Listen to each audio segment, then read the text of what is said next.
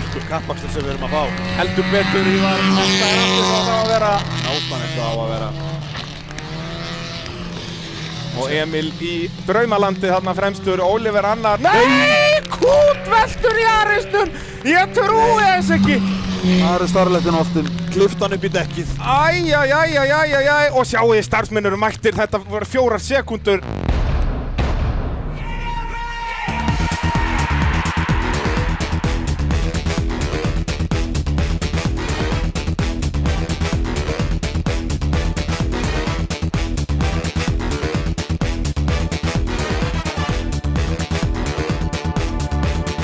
Þið eru að hlusta á mótorvarpið, Bræði Þórasson heiti ég og þetta er þátturinn sem við fjöllum um mótorsport á fjórum hjólum í Nóa Sirius stúdíu og við podcastaðurinnar allt saman í bóði AB Varahluta, Bílapúlsins, Bíljöfurs, Tækjaflutninga Norðurlands og Ólís og uh, Ívar Örds Márasson er mættu með mér í stúdíóið. Já, við erum búin að vera saman í stúdíóið núna bara í, í þrjá dagi röð. Já, heldur betur. Það er svolítið svoleiðis, við erum búin að fá alveg nógu af hvort öðrum. Já, já, já, já, þetta er svona slútti núna. En við Ívar vorum að já, beinu útsendinguna af eh, Redneck byggarmótinu, vorum að að lýsa þar saman. Dásamlega útsending maður, fullt af myndavélum og ég veit ekki hvað og hvað. Já, já, já, þráttur við skýta veður þá bara fengum við geggja myndefni og geggja kefni, sko. Já, hann að setna daginn, það var alveg, það kom okkur óvart bara hver mínútan sem leiða að myndavélarnar druknuð ekki og vorum Já. ennþá með nokkur sjónarhóttn og bara stór fínt. Já, og tókst í rauninni bara vel að binda niður eh, ljósmyndarana svo Já. mátt ekki fjúk út á ballarhaf bara. Svona strappa á niður við eitthvað akkir þarna. Já, Það er svolítið svoleiðis. Uh, En það er einmitt Redneck byggarmót í rallycrossinu sem fór fram um helgina. Tveggja daga byggarmót og já, já, rallycrossin er náttúrulega búið að vera vinsanlegasta akstusíðurinn í ár. Já, já. Búið að vera þarna, já, bara um það byrj 50 bílar í hverja keppni, þannig að maður bjóst kannski við að það, við myndum ekki sjá þess að venjulegu aukningu af bílum eins og við sjáum alltaf í Rednecknum en hún kom samt. Hún kom samt. 60 stykki skráð til leiks, eða það er að segja 60 keppendur á eitthvað 58, 58 bílum, já. Já, já, já, þú veist, og svona maður einhvern veginn, þetta kom hann ekki á óvart en maður var samt hugsandi, það getur ekki verið að við fáum aftur enn einu sinni svona bombu, en jú, það svo sannlega gerðist, sko, og þetta þetta mót hefur einmitt alltaf verið svona. Þetta er svona sumarslúttið einhvern veginn Já. og það er bara rosalegur hiti alltaf fyrir þetta mót. Það bara Algjörlega. kemur mikið að nýjum andlitum og bara einhvern veginn og margir sem eru keppandi svona, veist, ekki í öllu Íslandsmótinu en vilja alltaf mæta þangað, sko.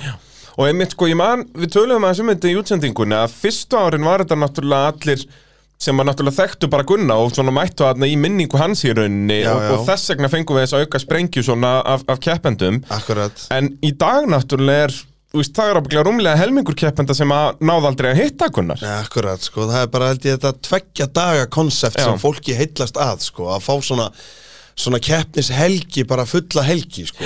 að vera endalaust að safna stegum í öllum riðlum þetta er rauninni fyrir þau sem ekki vita þetta er bara venjuleg keppni nema með sjö riðlum í staðin fyrir þremur Akkurat. og, svo, sagt, og það er safna stegum í öllum riðlum 20 steg fyrir fyrsta sæti en svo fást 40 fyrir sigur í úrslitum Akkurat, sko. og þetta náttúrulega varð svo vinsælt að Íslandsmótun var síðan breytt í þetta format Akkurat. við náttúrulega þekkjum Íslandsmótun núna sem þetta af maður fór Akkurat. 20 steg og síðan er það 25 í úrslitum Akkurat. það var ekkert svoleiðis Nei, þetta var alltaf bara rednekkin sem var kerðið þannig að hvert hít haldi svo láða bara svo augum uppi að okkur var það svona miklu skemmtilega nú vegna þess að það er ekki allir að spara bara þriðja hýta því bara úslitin gilda. Þannig að ef menn voru komnir í góða stöðu á, af tveim hýtum og engi gætt farið fram úr þá pásuðu allir. Þannig að það var svo laung bið í rauninni frá öðru hýti og í fjörða hýti og þú fegst aftur hasar. En það- eins og þetta er keirt þá er bara þá verður að keira öll hítin og þá er bara miklu, miklu, miklu meiri svona hasarðn upp á braut að því þú verður að halda þér á tánum sko. Algjörlega. en svo erum við bara komni meirinni annars svona upp á móti að, að, að þú hefur samt eða ágætist tíma á milli vegna þess að það er bara svo mikið af bílum sem þarf að renna í gegn. Já, þetta er náttúrulega eins og sé 60 stykki og uh, já, tilheyrandi drama og vesin í kringum það eins og eins og sannarlega komum staðum helgina. Akkurat, sko, þó að sko, AIH-menn séu nú að gera sitt allra besta í það að þú fáir ekki þína pásu milli hýta, sko, eins, að, eins og við þurfum nú mikið að tala um í, í, sem er mjög, mjög stór faktor í þessari keppni, þetta var alveg magnað að horfa á þetta hvað rennir í gegnum þessa þessa keppni var sko. Já, bara, það, bara um leið og að koma eitthvað fyrir velta eða hvað það var bara starfsfólk mætt á nú leitni Akkurat. á meðan að, þú veist, einhver er að kenna þú veist, hvort að aukumæðinu sín í lægi og, og hitt og þetta, þá er einhver aðri byrjaðir bara að strappa dót við bílinn og byrja að fjarlæga hann og upp Akkurat. gler og, þú veist, þetta var allt bara allir vissu nákvæmlega hvað þeir átt að gera. Það er einmitt máli og sko. byrjuðu bara að gera það strax. Bara rosalega góð svona í rauninni verkstjórn bara hver búin að fá sitt verkefni svo bara um leið og bíll fór á toppinn þá bara vita þær, ok, það er bara raukt flagg og það er bara strax gengi í verkið með þrjá bíla þarna frá þú veist, skilur eitt slökkutækja bíl og, sest, og svo náttúrulega pick-upinn til þess að heyrið upp og, Og öryggisbíll. öryggisbíllinn og svo bara maður í, og svo með tvo liftara og sest, menn bara í tilbúnir og allir tilbúnir við sín tæki en það sáu við bara þetta var stundu bara bíl vald og fimm mínútur setna það var búið að hreinsa brautina búið náttúrulega bara fyrsta hlúa að honum, ekki Já, lægi já. með hann og bara, mér segi, hann er valla stopp bílinn og þá er búið að opna hurðina hjá honum og kíkja á hann. En svo bara mitt á fimm mínútum búið að hreinsa upp, sópa allt, allt klart og bara Já, bara þetta, við vorum oft ennþá bara að pæla í einhverjum replayum og eitthvað, þá bara, heyrðu, já, þeir eru að fara að stað aftur. Akkurat, maður hafði eiginlega engan tíma til að gera neitt sko, Nei, maður þetta bara að vera á tánum stanslust sko. Þetta og þú veist eins og þannig strax farið að raða upp aftur og, og taka ef það var búið að raða upp næsta flokka taka hann tilbaka á Akkurat, fyrirafturæsingu og bara Og þetta svo vel smurð vél. Akkurat, og maður sá það bara svo vel hvað, þú veist, hver einn og einasti í rauninni bara átti sitt hlutverk og Já. syndi því vel, sko þetta er alveg, þetta er alveg ótrúlegur hópur sem er þarna upp frá, bara þetta teimi sem sá um þetta mót var Algjörlega. bara alveg bara, þetta var bara á allt öðru leveli heldur en við höfum í rauninni áður séð og samt var þetta ekki slæmt, sko við erum Nei, nei, komin á við mjög góðan stað upp, um annað level í rauninni Akkurat, við bara að vera, þetta er svo, fagmennskan er svo mikil, sko. Já, já. Maður bara elskar að horfa, bara þetta var ótrúlegt að horfa á þetta í beinni útsendingu, sko. Já. og það náttúrulega valdi í bílapunktunum á náttúrulega stórtrós þar út að hann náttúrulega gaf klubnum þessa bíla hann gaf þeim sérst þessa Pyro sem við erum að nota sem sérst öryggisbílinn og slökkutækjabílinn, Já, sko. og það er svona það sem var stærsta breytingi núna að vera með Já. þessa þrjá í rauninni svona öryggisbíla í, í Akkurat, kringum sko. þetta, vorum alltaf með gamla pikkan bara sem að, Já, var já. ekki DS-lausnir sem að uh, gaf okkur hann Nei,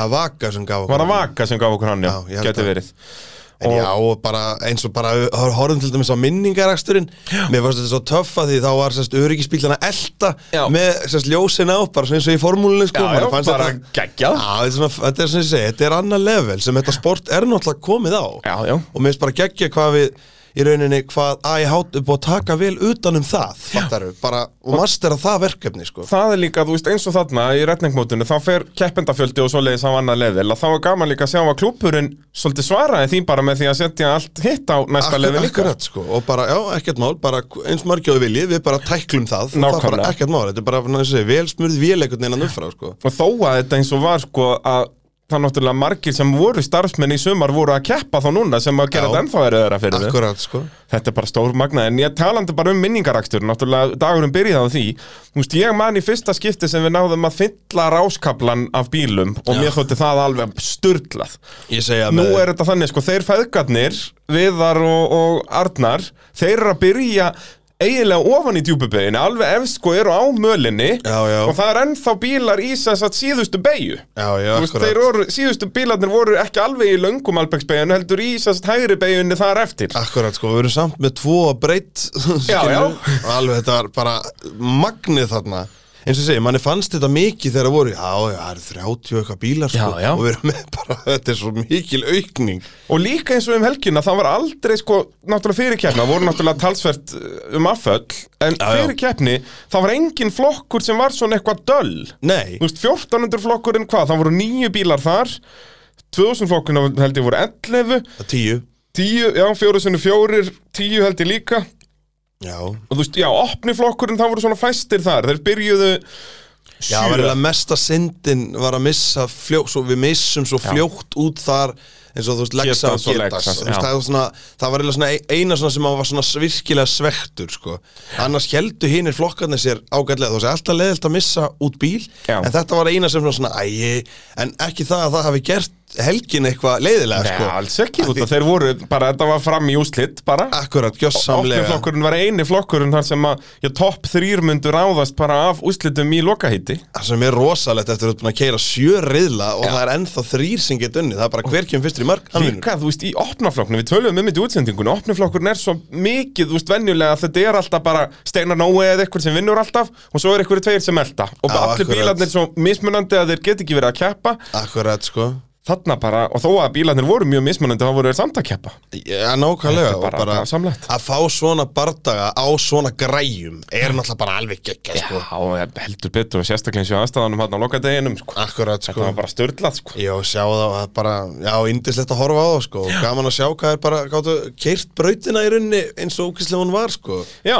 það er náttúrulega eitt sem við kannski ræðum aðeins á eftir að brautin náttúrulega fór hríðvestnandi þarna með, með hverjum í reyðlinum Já, já, Uh, Mótorvarpið að sjálfsögðu bóði AB varahluta um að gera að kíkja í eitthvað af vestlunum þeirra út um allt land og kíkja inn á því það eru ný tilbóð uh, já, mánaðarlega og uh, já, oft bara vikulega og uh, minni ég þá sérstaklega á Boxo verkværin það er, að, já, það er alveg hægt að týna sér inn á heimasíðinu og skoða bæklinga og svona. Boxo bæklingin til dæmis á, á heimasíðinu af, af svona verkværa stæðum og svona, þetta er alltaf hugulegt að skoða svona verkværa innréttingar þetta er rosalega flott. Já, heldur betur og maður sér, þú veist, eins og McKinstry vestæðið, þeir eru með alveg heila svona innrýtingu hjá, hjá sér, sko.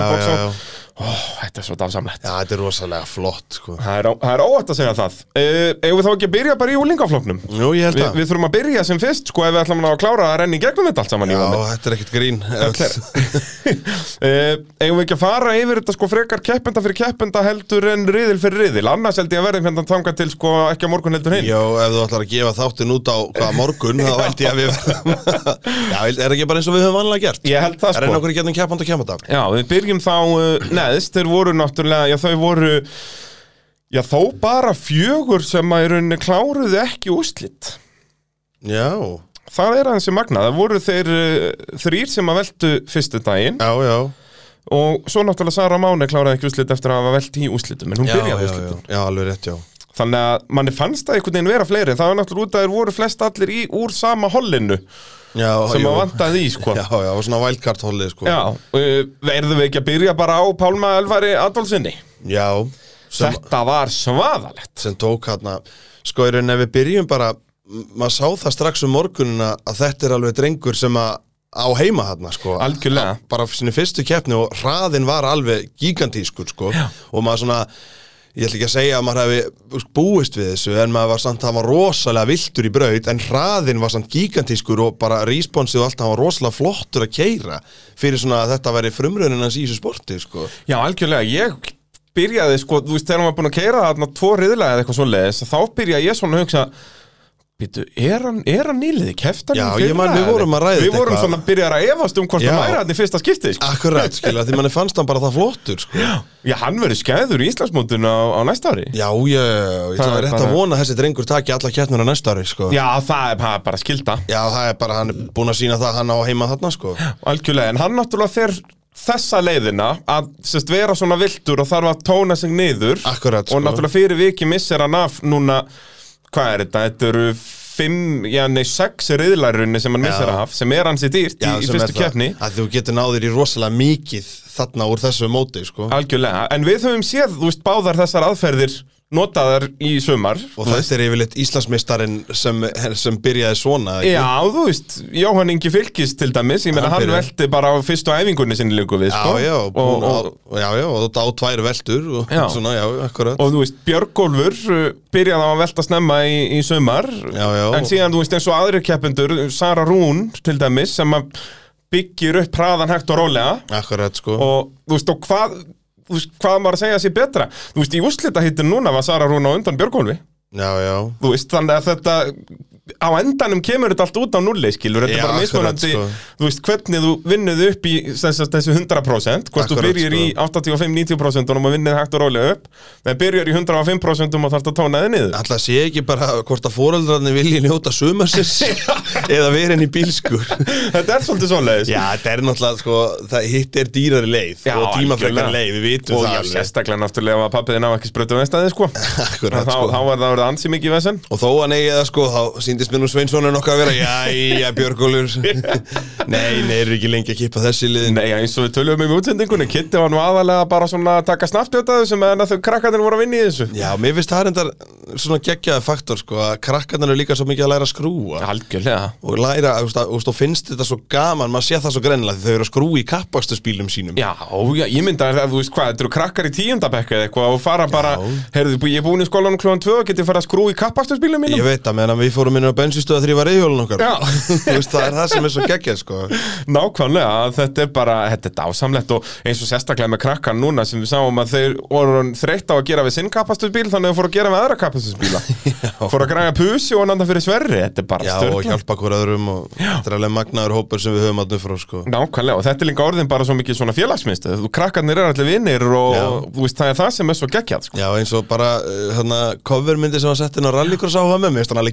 og, og sko. Og með alveg við sitja alltaf saman sko. Sittu öll saman á bekk hérna sko. Þetta er alveg geggjuð Þú kynsta veist, sem við erum að fá hérna sko. Já, ég held það og einmitt ef við náum að halda þessu að, einmitt að gera þetta svona félagsminnstu fyrir þau að, hérna, leifa þeim einmitt, einmitt að vera að æfa sig upp á braut og, og nota húsnæði þar og eitthvað svona skilur sko. að þá held ég við séum líka í svo góðu málum að nú eru þau flest öll sko 14 til 15 ára Já, að þá erum við að fá þau allan að garantera núna í úlingaflokki næstu tvö ár. Akkurat. Og þá síðan vonandi að halda áfram eitthvað eftir það. Og þá ef þau halda ekki áfram að keppa getur þau verið starfsmenn eða, eða keppni stjórar eða, eða hvað það er sko, þú ert að Akkurat. ímynda þér þarna. Þegar þau eru búið með úlingaflokkin eru þau komið með bara svolit þryggja ára reynslu Ekkert smá þetta er bara, þetta er frábært fyrir sportið Já, þetta er það sko, frábært fyrir þess að krakka Og þetta er held ég alltaf, þú veist, þó maður er náttúrulega að vona að þetta haldi svona áfram Og við vitum að við höldum svona áfram inn í næsta ára Því Já, og já. segir, þau eru náttúrulega bara tvö úr Íslandsmótinu held ég sem er að fara eða ekki er það ekki bara? Er það ekki bara Bergþóra og, og Emil?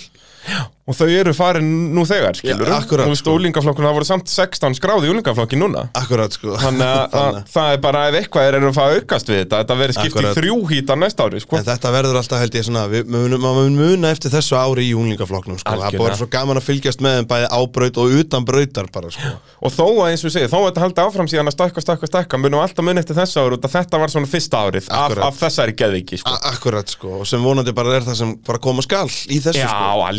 Það þetta er bara líka hárrétt uppeldi.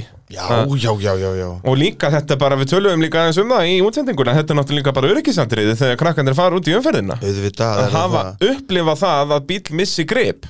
Akkurat, og, og mjög oft Já, já, bara í hver einustu beigju eru þau á limitinu að missa grip og fá það aftur og missa það Akkurat. og, og allt þetta. Og þú veist, það er basic car control og í umferðinni ef þú ert komið með þessa tilfinningu, ef þú bara lendir í smá polli í smá beigju á 80 km hraða, að þá mun bílinn missa grip og krakkin mun vita nákvæmlega hvernig á að höndla það. Akkurat, og bara eins, bara í vetrarakstri hérna á Já. harða Íslandi sko, þú veist, það er svo, þetta er rosalega margt og mér finnst einmitt svo, það er svo gaman, maður hefur svo oft séð myndir frá, þú veist, Sæmaði Berg, þar sem að maður sér þau upp á tveim hjólum kannski, að þau voru að tæpa velta og það eru hárrétt viðbröð, það er búið að beigja á móti og allt, skilja, Já, já. þarna sér maður svo vel það sem ert að tala um, sko.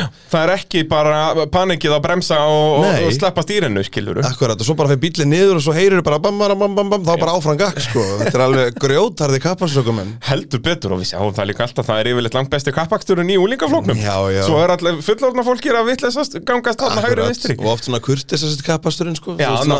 oft svona að enda bæðar útgáður á því sko. Aðeins meira respekt þarna en, en vissulega líka mikil grind og, og alveg, já, alvöru kappakstur Akkurat sko, en allavega Pálmi, ef þú ert að hlusta þá vonum við innilega við fáum því í Íslandsmóti á næsta ári, allan daginn. heldur betur Þú að teima þarna. hann náttúrulega, já, ræðum bara veltuna. Þetta, ég ætla bara að staðfesta það núna og þá getur einhver annar sagt að ég sé að bulla en það er langt best að koma bara með stóru alhafingarnar og, og, og þá verður það leiðrétt uh, setna mér en þetta er stærsta velta í sögur rallycross á Íslandi. Ég held það sex ringir Ég bara, þú veist, ég man allavega ekki. Ég er búin að horfa rosalega mikið að gömlu efni. Mhm. Ég man aldrei eftir ekki sex ringjum sko. Já, þetta er líka bara, þú veist, maður hefur séð sko svona heimsmeta tilraunir þar þeir eru að fara svona 6 til 7 Akkurat, þegar þeir eru að reyna, þú veist, þeir eru með fallbissu í farþegarsætinu og eitthvað og eru bara að reyna að velta. Akkurat, hann bara lendir rauninni eins illa og hann getur út úr fyrsta sem hefur í rauninni, sem byrjar kraftir sko. Já, ég veit það. sko. og, og það, hann hann að rúlla, rúlla, rúlla. Akkurat. og það kemur aldrei neitt svona þungtökk á dekki eða eitthvað svoleiði sem að minkar hraðan í veldunni heldur er bara þetta, já Hann bara spinnar. hann spinnar og spinnar og spinnar. Akkurat, þetta er bara svona eins og Það er eins og eitthvað sem er band utanum hann skilur. Þegar Já. hann byrjar að velta og svo kippir í bandið Þannig að Þetta er bara auki svona bara hraðan. kringla svona eða þannig hérna Já, sem já, að já, bara svona Svona masipinn. Og uh, Pálmi Já, fer þarna sex ringi, fór með sjúkrabíl af svæðinu Mhm. en uh, ég fréttir á honum er að hann er alveg svona í lægi þannig séð Hann er bara mist, hann er mest rengi eins og Já, það ég er hugsa í dag svona- að hann sé ekkit upp á marga fiska Nei, ég veit ekki, en Uh, uh, Lexi setti nú inn á rallycross á það, menn að væri bara brattur sko.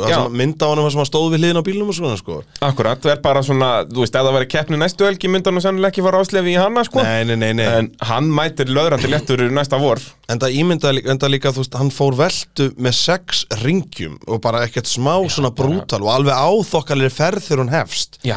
Man sér bara Já, þú hvað þarft að vera öryggisbúnaðurinn- þokkalegri ferð til að komast sex ringi. Akkurat, sko, á Jaris. Á Jaris. Akkurat, og maður sér bara hvað öryggisbúnaðurinn er komin langt Svo Algjörlega. svakalega langt, sko Og þú veist eins og þarna, það hefði ekkit verið fallegt að horfa á þetta meðan, þú veist, ekki með hansbúna til dæmis. Nei, jú, bara Hann hefði verið með farðu- hausinn út úr hliðarúðinni bara. Já, farðu ennþá, hvernig heldur að sé að velta svona velti í venjulegum bílmaður? Já, svo fyrir utan það hann ferð hefði farið bara- í köku. Akkurat, þú farðu bara lengra aftur í rauninni bara í motorsportsögunni, þú veist, þetta er alveg bara, þú veist, það er fullt af faktorum sem er í dag sem að maður myndi ekki vilja klippa burt í svona krassi, sko. Já, nákvæmlega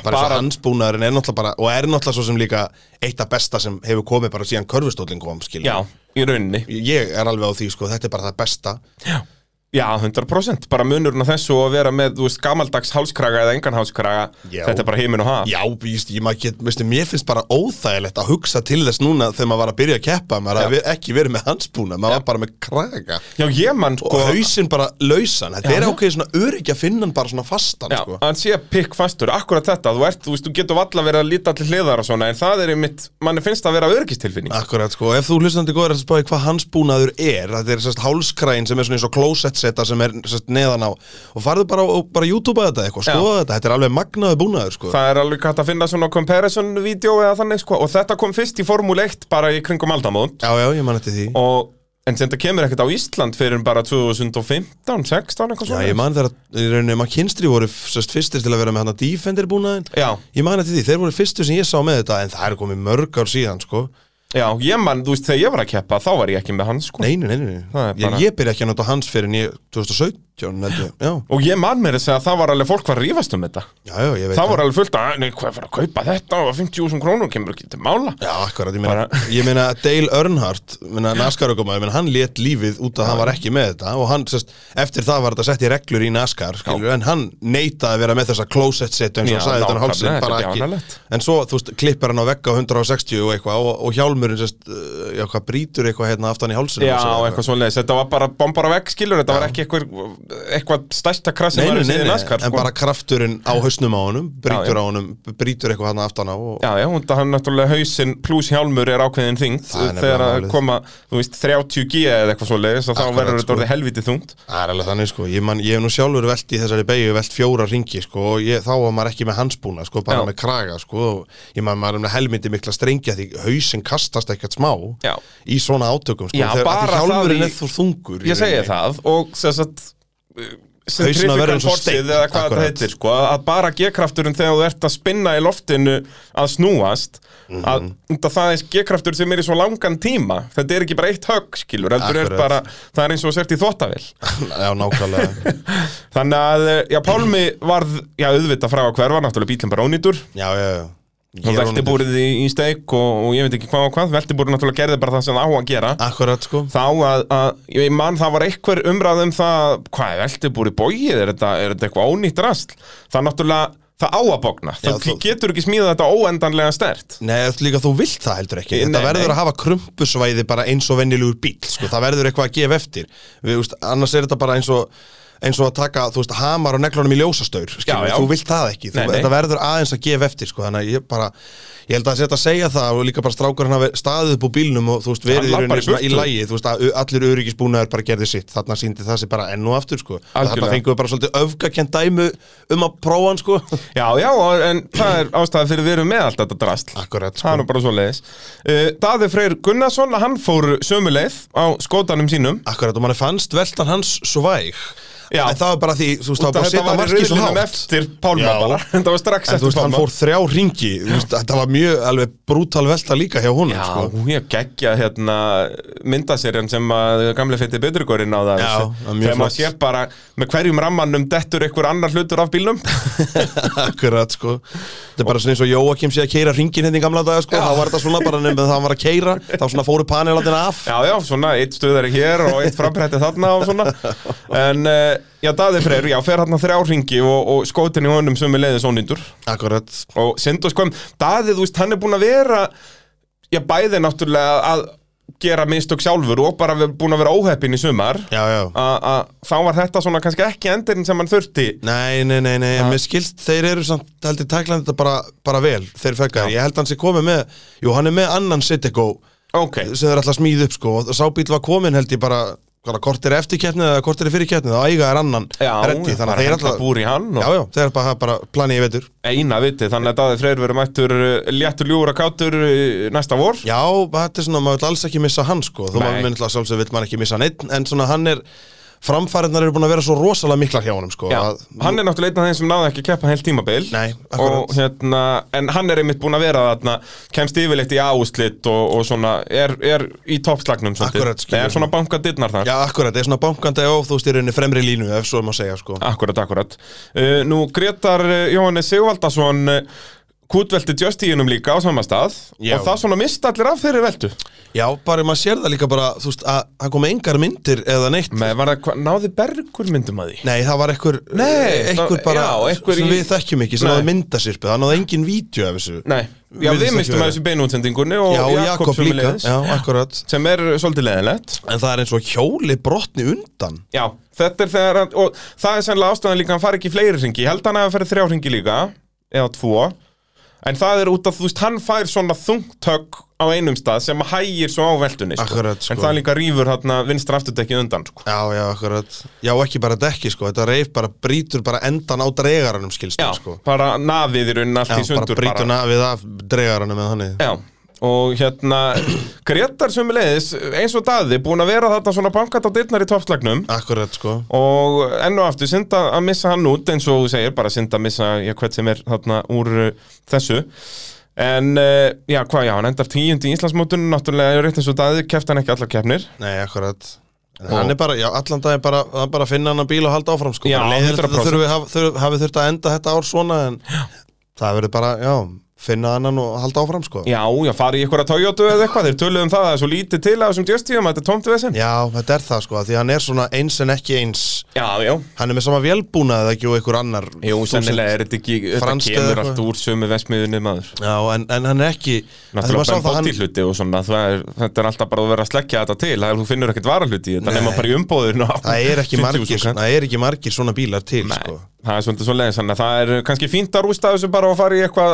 mainstream. Já, nákvæmlega. Þá sé alltaf gúl að vera með súpar og kapasum Já, nákvæmlega, sko. Uh, Sara Máni Haugsdóttir, uh, hún kláraði alla riðla er í uh, minni mig Nema nema náttúrulega úrslitin. úrslitin. Og þó nei, var Nei, ekki hún, einhver hún annar? festist líka, mást ekki, þegar hún uh, alveg gróð, rétt. gróður setti ægóin Já, alveg rétt. Svona mjög krútlega. Já, það sést eins og pollarnir hérna í, í malarbegjun hann sem hún veltur í að þeir voru svo lúmskir góð að þú ferð bara með hálfan bílinn í það þá náttúrulega snýst bílinn á Já, punktinu hann bara rýfur þig inn Já. í, inn í runnan, sko. Og, og Sara Mánei lendi í því þannig í úrslitunum að, að í sem sagt ekki malarbegjunni sem heinir velti í heldur hinni malarbegjunni Já, já, akkurat. Að þar uh, fór hún upp í lúpinutnar og á toppin Já, já. Er bara hálfan ring þetta er bara lítur út fyrir að vera ekki neitt með að við alla hinna Já, það var mjög svona kurteist já, bara. já, já og bara í síðasta erðili líka fínt að enda á toppnum. Akkurat. Og uh, já, Sara Máni, hún verður þá vonandi bara mætt, þú veist, bílinn hjá henni er náttúrulega alls ekkert ónýtur. Nei, nei, bara nei, kannski brotin framrúða. Ég held að hann hafi komið verður út úr Ég held að bílinn hafi komið verður út úr sérst áreksturinnum hérna í byrjun móts, manstu? Já, alveg, það var svagalegt Já, þá snýr hún hún í fyrstu beigju eða eitthvað svoleiðis og kemur fær bíl bara beint inn í hliðina, já, sko og alveg ökumanns megin nefnilega. Já, akkurat, sko. Þarna hefði maður ekki viljað sjá sko bíl ekki með, með kross í hurð til dæmis Akkurat, til að tala meir um þetta þá bara, þarna sér maður bara hvað, úst minna ekki kom ekkert fyrir búrið í honum þó hurðin í honum hefur bara verið í vingil Já, já, en bara ökumannsrýmið alveg heilt þannig að það Já. var ekkert mál, það er bara áfrangak Nákvæmlega. ég sammála því að allan daginn að vera með krossarna og áfellutnar og allt á því skilur þá bara er þetta svo stert Já, þú og vilt ekki, og ekki að neitt koma að þér því stóllin enn og ekkert þetta er svo stutt fjarlæða og svona mjóum bíl sko.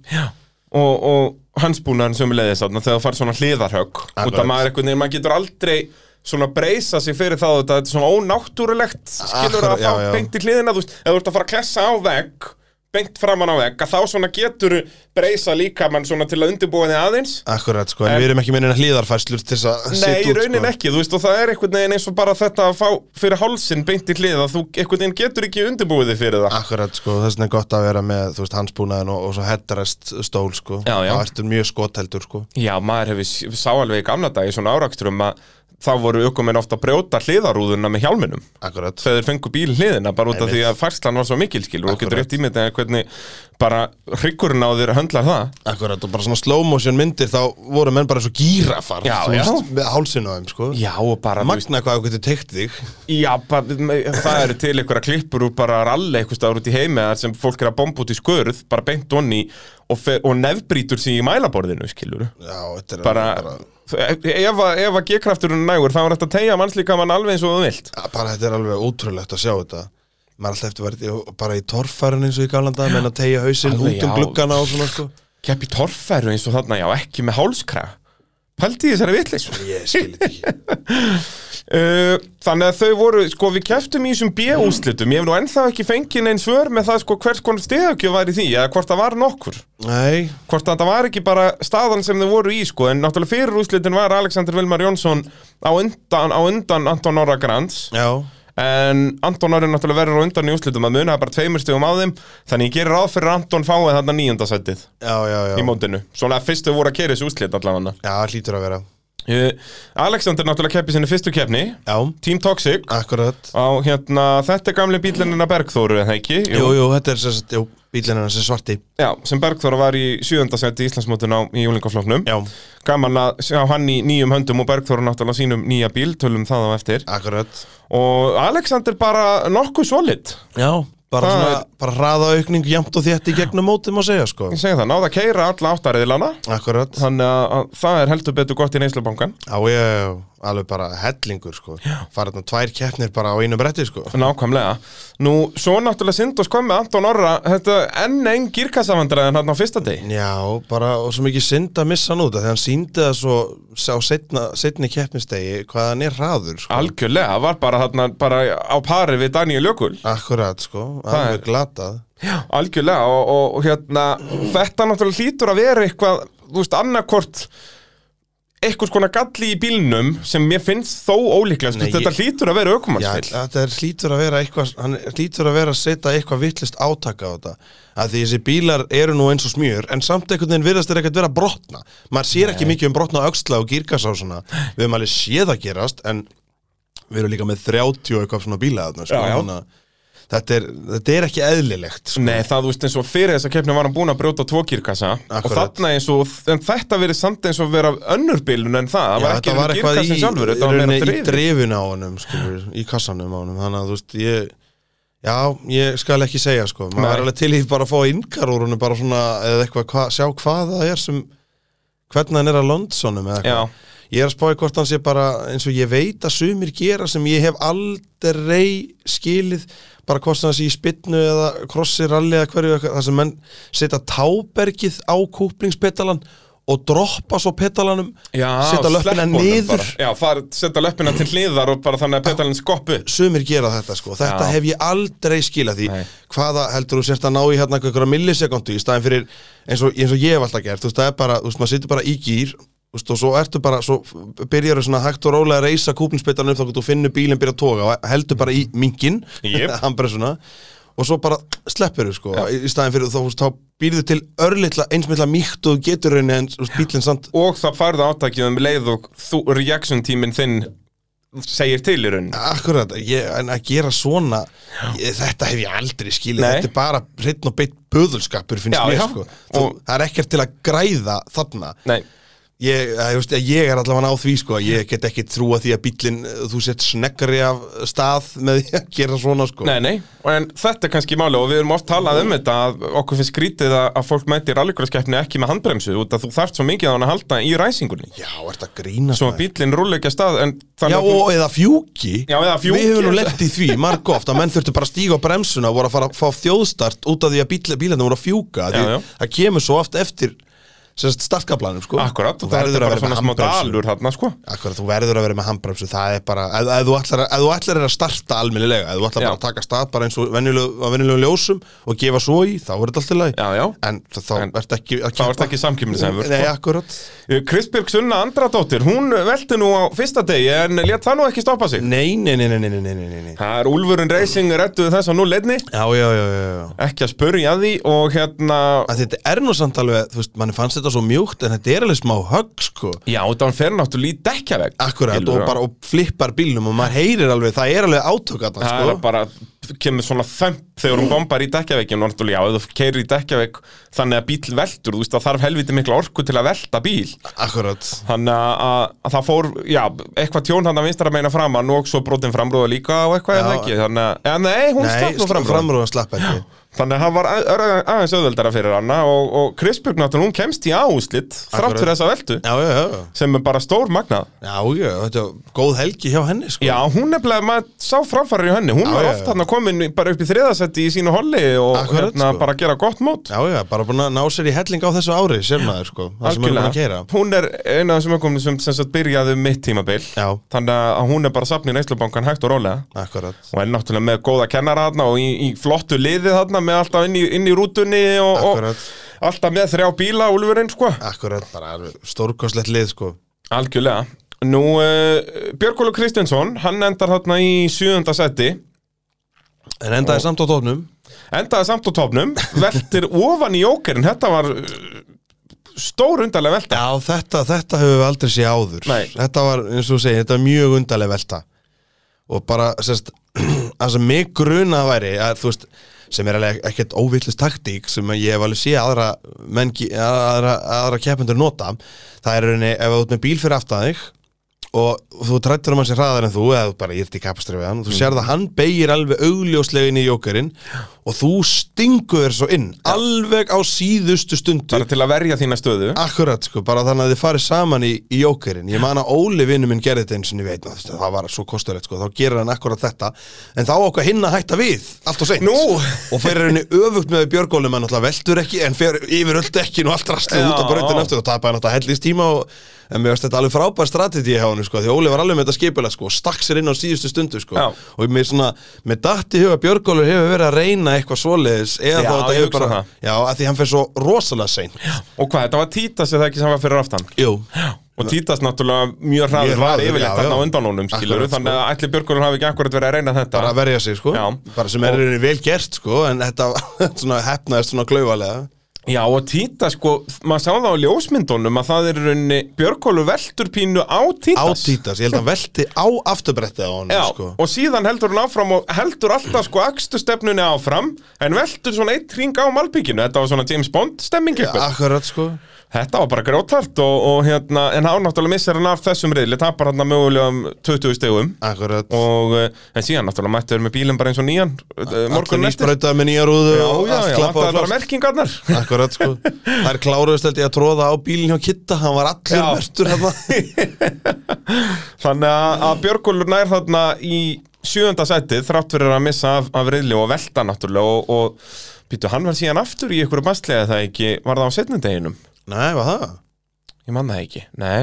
Nei, það held ég ekki. Nei, það er nei, hann klára bara keppni sko Nei, bara, hann festi sig þarna, manstu. Rétt fyrir flaggið. Fer upp í barðið þar og festi sig. Nei, hann keirir úr því. Hann keirir úr því og En hann er að klára. Hann já, já. tapar alveg heyrum ring á Já, því sko. far, hann fer þar uppi og einhver annar fer einhvert annar Já, var ekki Kristinn sem fer síðan eitthvað í hinnáttina Ég man þetta Jú, þeir, þetta var eitthvað svona, það var eitthvað komið eitthvað í jógurnum og þeir neldu niður allir og einhvern veginn þeir enda tveir sko, þeir klest ekki ákvæmna Nei, nei, nei, en, en fara svona af sikkurum stað út af Já. í einhverju, paningi En engin snerti neitt, Nei. ég held að með að sé þannig En hann krafsa sig út í því, samt sko Já, akkurat, en tapar náttúrulega endar eiginlega síðastur í þe- þeim riðli já, já, já. Uh, Elmar Sveinn Einarsson uh, mætti til leiks uh, hann náttúrulega hefur ekki mætt alveg allar keppnir Nei. í ár á, á bleika í góðunum og uh, endar þarna í sjötta seti Mhm. bara ólsegur og hann var yfirleitt hann í topp þremur í, í sínu holli Ja, akkurat, þetta er svolítið svona veist, og bara svona, var svona mjög solid í rauninni, Já. þú veist, bara hjælt sér þannig og krafsaði sér svo mörgum stigum þannig í gegnum allt mótið Já, sko. nefnilega út að hann er í þessu holli sem allar veldunar voru í? Akkurat, Já, hann er með Daniel Jökli í, holli Já, held Þannig að þetta var yfirleitt svona hann Þú veist, Títas var það yfirleitt hann í öðru seti og Elmar yfirleitt svona þriði En náttúrulega Kristinn var ólsegur hann líka Var hann ekki í því holli líka? Jú, nei, var Elmar ekki hinum einn? Það gæti verið. Þetta fer allt í graut að- hjá manni. Þetta er svo erfitt að muni þetta. Ég held að Elmar hafi Jú, verið hinum Elmar hafi verið- var hinum einn, jú, það er rétt, Já. með Jóhanni. Þetta var Daniel, Kristinn á rauða ækonum og Títas. Já, Já, ég held Og- að hann hafi verið hinum einn sko. Að hann var held ég bara í bara bardaganum hann Já, þannig að við runni við Kristinn var hann ofta að berast, var ekki Kristinn með honum í holli, nei, var hann hinn? Þetta fer allt í eitt, eina, eina vitleysu í var, hvað erum við að gera Já, hérna? fyrir ekki, nei, Títas var ekkert með Daniel Hann var náttúrulega með, eh, með Jóhanni Já, auðvitað, Já, já, hvernig, hvernig við vitum ekki neitt. Við vitum ekki neitt. Við þykist vera sérfræðingar en við vitum ekki Já, sko, Excel-gæli mitt, ég er búin að setja það upp með heildarstöðun en ekki hvernig hollin voru, sko, Já, þetta er allt farið í akkurat. steik hérna En, jú, auðvitað, Títas var með, með Jóhanni. Já, já, já, já uh, Sara Rún Hilmas, hún endar hérna semst í þriðja sæti í úrslitum Þannig Já. að þetta verið Íslandsmót, það hefði hún fengið byggar Akkurat, En er í fymta sæti í keppninni. Í mótinu, já. Út af þetta er náttúrulega bara stegasöfnin yfir allan daginn. Akkurat, það hefur alltaf báða dagana. Já, og bara enn önnur svoleitt helgi á henni Og bara alltaf að verða hraðar og hraðar og hraðar sko. Aldrei neitt eitthvað drama eða svoleiðis heldur bara eikur hún hraðan jæmt og þétt. Og þetta var nefnilega mjög oft í mann eftir mörgum raunin sem var svona, heyrðu, já, býtu, Sara er komin upp í þriðja. Já, Þú veist, hún bara er var alltaf mætt, sko. Akkurat, að því, meðan að bara strákarnir ger í brók þá kemur hún bara Nákvæmlega, fór mjög oft sko snemma en Jóker átti mörg svona ekkert það góð stört og var búin að tefjast sko í fyrstu beigju Akkurat, og bakkar bara ú, burt frá bardaganum Já, og svo bara og svo er hann alltaf í henni mætt bara Þetta er mjög sniðu taktík að gera þetta svona sko, Já. Og þetta er svo mikið bara Ég er dóttir pappa minns þetta er náttúrulega svo mikil þeimma bragur á þessu að halva verið hellingur sko. Alveg bara rosalega, sko. Bara engin svona óþarfa hamagangur en hraðin kemur svo bara hægt og rólega Akkurat, sko. Og himmi náttúrulega núna orðin bara eitt besti okkumæða landsins eftir að hafa nýtt þetta taktik í svona 20 ár Akkurat, sko Það er nú bara nákvæmlega sigur sælari, sko Já, já, nákvæmlega, nákvæmlega uh, Kristinn Örn Jakobsson uh, endar í fjórða sæti. Bara virkilega vel gert hjá honum. Já, mér fannst hann, mér fannst hann, hann var svona unglingur sem kom á óvart, sko. Ég var ánægði með hann, sko, hann átti rosalega flotta spretti oft, sko. Já, já, hann náttúrulega verðum að, sko, hann kefti langt því frá allt tímabili. Ég held að hann var bara búin að keppa tvær eða þrjár keppni Já, ég man ekki hvað það var mikið, sko, en það væri ekki sens fyrir okkur að þrjár muna. sennilega. Ég held fyrstu tvær og svo KK Hann eitthvað svo leiðis Allavega, þú veist, hann var rosalega flottur í þessari keppni, fannst mér, sko. Algjörlega, og var þarna í þriðasætt eftir fyrirdaginn og þá var planið að Jakob pappans myndi taka á honum bílun og keppi þúsundflokki. Akkurat, Þeir hafa auðvitað hugsað, nei það er ekki fræðilegur, þú ert í þriðasætti akkurat, bara áfram gakk. Já, nákvæmlega og, og hérna náði fjórðasættinu, endar á að missa þriðasætti til uh, Títas. Já, já. og uh, ba bara já, Bara virkilega vel gert hjá honum. er ennþá svona ekki alveg komin á sko Daniels og Jóhanns level sko Nei, nei, en, maður er samt, skilur, hann, hann er samt ekki að gera neinn svona, ekki svona, svona mistök að þannig, sko.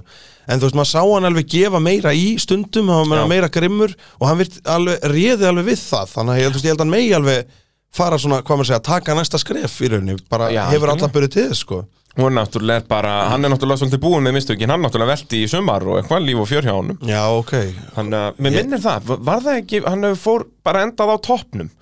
Ég held það, hann hefur mistað úslitum út af framróðan og brotin eða eitthvað svoleiðis. Þessum- mér- rámar í ægor. Uh, Títas Kánekas, hann endar í uh, þriðja seti, hann er níundi í Íslandsmótinu, náttúrulega kefti ekki allar keppnir þar. Nei, nei. hann var það ekki bara tveim, jú. Held það, þriðja og fjórða keppnin eitthvað svoleið sem hann keppir ekki uh, og er þarna bara, endar bara sjöstegum eftir Daniel í, í öðru setinu sko. Mhm. og, og var náttúrulega bara Eldi Jóhann, uh, alla reyðlana. En svona vantaði alltaf aðeins upp að hann náði rauninni, það var sára sjaldan sem hann náði að hanga í honum alveg ring eftir ring eftir ring. Það gerist í nokkrum reyðlum, en Jóhann náði yfirleitt alltaf að byggja sér upp það mikið fóskot að, að Títas var svona ekki að trublan. Akkurat, sko. Þannig að það vantar ennþá svona örlítið upp á hraðan, já. En þú veist eins og næsta sumar þegar þetta verða semst, keppni eftir keppni eftir keppni og alltaf skipti í mörg hol að þú veist, Títas verður eins og segja, hann er í, í þriðasætti þarna hann verður leikandi í topp þremur í, í Íslandsmótinu Já, hann er svona einn af þeim sem verður alltaf á framlínunni, sko. Hann er það góður, skilur Já, og bara alveg frá hann hann kom fyrst. ég segja það, hann mætti fyrstu keppni og var í toppslagnum. Akkurat, það mætti mjög hraður en samt er hann ekki svona viltur, þú veist. Nei, svona ekki þannig, hann náttúrulega átti alveg sín moment en ekki svona, nei, akkurat, sko, var ekki mikið að snúast eða svoleiðis. Nei, bara svona góður ökumæður, sko Og já, svo er náttúrulega bara slagurinn um fyrsta seti, bara synd og skömmaðir voru alltaf í sikkoru hollinu. Já, En já, Daniel Jökull og, og Jóhann uh, Ingi Fylkisson, uh, já, þeir náttúrulega bara eftir fyrstu fimm riðlana að þá voru þeir báðir með fullt hús stiga. akkurat. Tuttugu Al, En búin að- það alveg á pari. Uh, Daniel Jökull náttúrulega lendir í drama þarna í öðrum riðli sem endar á að vera enduræst, þá festið hann eins og upp á dekkjónum Já, já, í, í hamagangi, þá var hann, hvernig var hann að reyna að taka fram úr? Þá eitthvað, tak... Daði grann Var það Daði Freyr? Eða- ég... neða, Gretar jafnvel. Það var eitthvað komin hann að fram úr honum eftir fyrstu beigju. Já, ég man eftir því Og hann reynir að fara innan á hann onni í S-beiguna og reyðilast á breiði dekkin og festir Er það ekki. Kristinn? Jú, Kristinn Jú, vann þetta start. jafnvel, jú, alveg rétt, jú. Það getur passað, já. Jú, ég held að það sé þannig, sko. Og, En svo eh, er endurast Já, sem betur fer fyrir Jökul að, að- nei, já, fyrir Daniel Jökul að þá er enduræst og þannig hann nær sigurunum og eins og ég segja, eftir sest, fyrsta riðilinn á öðrum degi að þá voru þeir báðir með 20 stig, fullt úrstiga, þess 20 í öllum riðlum og uh, semst 100 stig overall. En í öðrum riðli á setni degi að þá uh, kemur drama, þá eru þeir Daniel og Anton að berjast. Við höfum ennþá ekki séð náði Jakobus á vídeo. Nei, Nei, við höfum ennþá ekki séð hvort að þeir klestu á hvort annan. Nei, ég Eða hvort að Daniel gerir bara mistök. Eh, Ég held að það ekki náðist, ég man ekki, en ég var svo sem búin að gleyma þess að ég var ekki að horfa eftir í heldur, sko. en man, við vorum náttúrulega svo mikið að velta þessu fyrir okkur, að við vorum ekki vissir hvað gerðist. Nei, og fengum mér enn aldrei fregnir hvað skeði, sko. Nei, hvort að, að en náttúrulega þarna gerir Anton bara nokkuð stór mistök út að hann er greinilega hraðar en Daniel út miðað um hvað hann er að eldan mikið ring eftir ring Akkurat, bara sko. alveg bara metra á milli bílana en Anton fer aldrei onni í ókerinn Akkurat. sem er náttúrulega og, Að gerði bara, fær hann tvö tækifæri til sem hann hefði allan daginn átt að henda sér inn, sko. og það leit út fyrir að hann hefði þá orðið hraðar en spurning hvort að Daniel hefði þá bætt í sem sagt eftir Já, spurning, sko. þegar hann að- þarf ekki að vera í varnarakstri Akkurat sko, að því ég líka held að hann alltaf var svona að hagra sínu rosalega eftir, þú veist, hann var ekki að berjast við Anton Nei, nei, er- hann hann er að að horfa á Jóhann. Já, já. hann er ekki í rauninni, þó hann sé ekki aðna með honum inn á brautinni sko. það, en þetta snýst allt út að náttúrulega hver var á var það ekki Jóhann sem var alltaf undan? Þetta Daniel Ég er meiri sem búin að gleyma því sko. Að Jóhann var með besta í Já, nei, hver, hvort hollið var á undan? Jó, jó, Jóhann var fyrstu Já, Jóhann var alltaf, og þannig að það var alltaf Jóhann sem setti pressun á Daniel. Í rauninni, þú veist, ég hann náði 20 stig. sigraði reyðli og þá verður þú að Þá sigra þurfti Daniel að svara, sko. Akkurat sko. Þannig að Daniel fær bara 13 stig hann í öðrum reyli að hann náttúrulega tapar helling á þess að endar hvað fjórði. Mhm. og hérna og þá er hann búinn að tapa sjö stigum á Jóhann. Og þá náttúrulega var staðan orðin þannig að, að Jóhanni dögði þá að vera bara í öðru sæti á eftir Akkurat, Daniel sko. í úrslutunum og náttúrulega sérstaklega síðan þegar Daniel tapar fleiri stigum í uh, síðasta reylinum út að þá vinnur Antonan bara fyrir en skver Akkurat. Að hérna þá sérst, Anton fer þá inn í ókerinn eldir hann ekki bara og, og hérna kemur út á undan. Akkurat Virkilega flottur aukaþór sko. Já, það er það sem við vorum að tala um á hann það hefði synd að missa Anton að út allan fyrsta daginn Það er alveg þannig sko. Út að hann hefði verið í bara ég hefði sennilega verið að ræna bara fleiri stugum að Daniel allan fyrir daginn í rauninni og, og byrjunin á setni Það hefði verið meiri barátta bara. Algjörlega eh, En já, svo komum við í úrslitin og þá loksins fáum við slægin milli Jóhanns og, og Daniels Við erum búin að vera að býða eftir alla helgina Já, búin að býja 24 klukkutíma eftir þessu og það endist alveg heila beigju Já, akkurat, en á þeirnum beigju og þá annar þeirra komin út í móa. Og það er Daniel sem að snýst þarna og, og við náðum nú að rýna vel í þetta og, og, þetta er bara svona racing incident Já, manni finnst það sko. Þó maður myndi, til þess að endanlega alveg staðfesta myndi, myndi maður vilja sjá sjónarhóttni framan á þá í Já. rauninni. En þú veist, en svona út frá því sem maður hefur séð þá sýnist mér ekki sko. Já, þetta er aðalega út af að koma eins og stór pollur sérst, inn í litlu vinstribegjuna fyrir löngu hægri og þeir vildu forðast hann og, og það er rauninni það sem að gerir þetta krass held ég sko. Já, já, að, sérst, að það er Jóhann Ingi og Daniel Ökut sem að klessa saman. Akkurat. Mennindir sem er að berjast um, um titilinn og þú veist, þetta náttúrulega fyrir Daniel hefði þetta þurft að vera öfugt. Þá hefði þurft að vera Jóhann sem að snerist og, og, en það hefði líka verið mjög áhugavert að sjá Jóhann þá berjast í gegnum allan pakkan. Þetta það hefði dugað. Jóhann held ég að vera sveimur þá bara þriðji þá. Já, ég held það, ég held að það hefur dugað. Minnina vorum að reikna það út sko. Já, og, Og svo er svolítið magnað sko að svo náttúrulega fyrir Daniel þarna síðastur að stað og hann setti besta tíman í tíma í, sest, í unglingaflokki já, þarna. á, á þessum ring. Sko, að hann var alveg brjálaður. Já, já, Valdi talaði um sko að þetta hafi verið pínu honum að kenna sjálfum sko pappanum út af því að hann var að hæja svo mikið á drengnum sko. Já, já, og að segja hann að fara varlega hann í gegnum ölina og allt þetta sko en síðan síndi Daniel já hvers hann er megnuður hann eftir þetta því að hann eins og segir hann hafði besta tíma helgarinnar hann akkurat þannig að það var er bara sett í greinilega fluggýrin alveg brjálaður já, sko. já, það var greinilega nóg inni Og þarna nær hópnum, já, já, já, já, já. alveg leikandi og En það er bara svona sem er rosalega góðu punktur sem að við valdi vorum að ræða þetta það er svo mikill munur að klára árið fattur að því að hann var í góðri stöðu mm fattur mig bara, þú veist, við erum að fara heim ef, ef við klárum þetta svona, þá erum við að fara heim með byggar og heilan bíl Já. og bara klárir í næsta ár, þú veist, svo gott sem já. heldur en að fara heim með ónýttur rusl og bara, já, já, það var ekki nóg allt sumari fór í þetta, heldur að veturinn að smíða nýjan. Já, það er náttúrulega Daniel náttúrulega er búinn með þann pakka hann velti á æfingu í, í sumar sko, Akkurat, og velt honum mjög illa, sko. Já, hann fór alveg í steik bílinn Já, og passa sig líka að vera akkurat að það meðan að pappans var að, þú veist, meðan að litla sýstir hans var að koma í heiminn og það var Já. engin tími í þetta. Þá velt hann honum Hann ég- kutt velt á honum bara þetta er allt eins og þetta á að vera. Að vera að ræða þetta svolítið þarna upp á, upp á braut þetta svolítið fyndi atvik sko þegar þið koma að honum eftir veltunina þá fyrsta sem hann spyr er ég þá ekki að fara að keppa um helgina? Já, það er fyrsta sem hann fór að hugsa um bara keppnin sko. Já, já, ekkert, ekkert, ekkert annað, það er bara það sem er efst í huga að sjálfsögðu. Að nokkra alveg kapasökumenn. Nákvæmlega, uh, en það var þá Jóhann Ingi Fylkisson sem að stóð uppi sem sigurvegari með fullt hús stiga var retningmeistar í úlingaflokki og þá retningmeistar overall. Bara virkilega flott helgi hjá honum. Þetta er bara störlað bara og eins og þarna sínda hann að að hann er sko hann er konsistansi líka sko. akkurat bara gerði engin mistök alla helgina akkurat, ekki eins og ekki ein, úst, manni fannst hann bara, úst, bara ekki neitt, það er ekkert til þess að tala um Nei, Það þetta voru bara bara hver einasta átta beygja. riðlar hver einasta beigja bara Perfekt, bara gjössamlega, bara virkilega. Þarna síndi hann virkilega hvað hann er. Það er ástæði fyrir hann er retnækmeistari og annar til Íslandsmeistara, hann síndi það alveg þarna sko. Algjörlega. Og þú veist hann er náttúrulega búin að vera að berjast við Emil í allt sumar og þeir bara búin að vera á pari svona finnst manni, Emil kannski örlítið hraðari en náttúrulega sko. með hans meiri reynslu í keppni. Akkurat, en, en Jóhann, já það verður erfitt að vinna hann í þessum flokki á næsta ári. Það er bara þannig að hann verður mjög skæður. Það er, þeir verða öll hinn að step up their game eins og maður segir. Akkurat, því hann hefur líka bara svona svolítið allt sko, hann svona hann er rosalega góður ökumæður og bara eins og segi núna bara veist, orðin rosalega hraður og bara svona en hann er samt líka sko ef hann þarðist þá getur hann alveg sótt sér kæruleysi ef hann þarðist, hann lætur vaða Já, skilurðu. algjörlega, það er er, með grimdina líka ef það eru 15 bara slíkur að ég get grætt á þessu þá, þá mun hann láta vaða sko. Því hann er alveg óhrættur sko. En samt búin að ná svona góðri stjórn og góðurum sjálfsaga í ekstrinum þannig að þetta er svona, það er svo það sem að mér finnst svo skemmtilegt þegar menn eru orðin svona agaðir og farin að geta hagrætt í rauninni hvernig þeir keira sko. Já, já, og bara alveg eins og við sáum Daniel Jökul gera eins og, og sko sérstaklega þarna setnudaginn þegar brautin er náttúrulega orðin viðustykilu og vestnar og vestnar með hverjum rauðlinum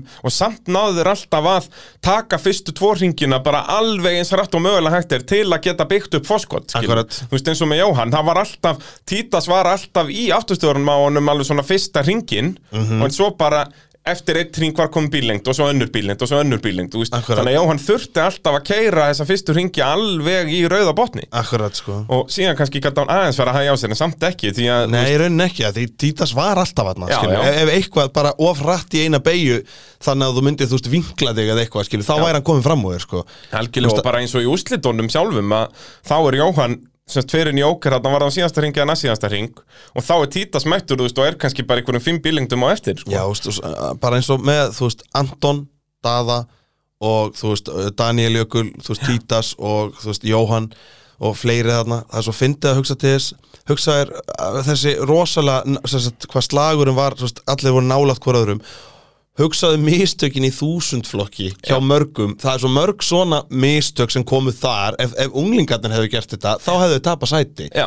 fattaru mig, en veist en þar erum við náttúrulega að tala um fullorið fólk með bílpróf sem kann þá þar alveg enda ekki að keira Já, að sjálfsögðu, það er bara það er nú oft talað um þetta, það var einhver, einhver hérna, svona MotoGP uh, hérna, motorhjóla gæi sem að segja að það, það var langvest fyrir fyrirlinn hans þegar hann loksins fekk sko motorhjóla próf hann Já. fekk það ekkert fyrir hann var 30 eða eitthvað og hann fann bara hvað hann var mikið hægar á brautinni sko Já, aha. þá bara, og, það- og þú veist, ég skil það alveg líka svolítið, þú veist, eins og ég kefti úlingaflóknum á sínum tíma og ef eitthvað er að þá fannst mér bara hægjast á mér þegar ég byrjaði í yfingakstri, sko þegar Já, já. þessi asnalegi, hérna, pródómari eða hann sem var með mér í yfingakstri, ökukennari minn fór að segja mér að vera ekki með vinstri fótinni á bremsupedalanum Já, þetta er hvað er nefnilega þetta bulla maður? Þetta, já, veistu, þetta, er, þetta er eitthvað sem eru búin að að hlæja í mörg ár Ég seti svo mikið fyrir mér, bara "Bí- bí- bí- hva- hva- býtu, Hvað ertu að gera eiginlega? Býtu, ert þú að fara að kenna mér að keira það? Viltu sjá byggasáttu mitt? það, svona verður þetta með all úlingarna núna, sko. En, en þú veist, það er alveg, það meikar alveg senskilur að Já, þú ég- lærir bara Já, kappakstus ég, ég fatta og þá er ekki hitt að ruggla þig. Nei. rauninni. Ég fatta hvað að meina, þú bara einbleina á þetta, Já, ekki að- hitt. Þú, að- eina sem þú kannt er að vinsturfótabremsa það hlýtur að vera betra heldur en að kunna eitthvað annað líka sem þú mynd hvað sem er aldrei notað í kappakstri Akkurat, já, ég, og, ég og fatta. allt þetta skilur og að, að vera að pæli eitthvað þegar þú beigja eitthvað stefnuljós og eitthvað svona vesen. Þetta bara, eh, tekur fókusin af akstrinum sko. Snáða með það. Ég held að þetta geti verið leiðin áfram fyrir kappastusökum en ekki taka bílpróf. Já, nákvæmlega. Uh, mótorvarpið að sjálfsögðu í bóði bíljöfurs, uh, dásamlegt bílanæstæði hjá þeim uh, feðgum Baldri og Hlöðveri Já, þeir eru nú báður skráður í rallum helgina, sá ég. Já, heldur betur. Stó, Stórar fréttir hjá- í, í bíljöfri þannig að það verður nóg að gera á vestæðinu þar. Já, Baldur að taka sitt rólega tímabil eins og hann sagði og þetta Já. er hvað, þriðja ralli sem hann er skráður í og Já, ein A5. rallikoskeppni Já, akkurat, A5 Já, það er rólegt hjá þeim þannig í bíljöfur. Já, bara, nei, ég ætla ekki að keppa í ár, kannski eina Já, nákvæmlega. Já, ok, fíkilliðin, ég, ætla bara að fá mig smá skamt Ég ætla að fá mér Tek hérna eina tveggjata rallycross-keppni og eina tveggjata rallykeppni og, og tvær venjulega rallykeppnir. Akkurat, Það er bara smá. Bara pínu. Þetta er bara pilli, maður. Þetta er bara pilsner maður.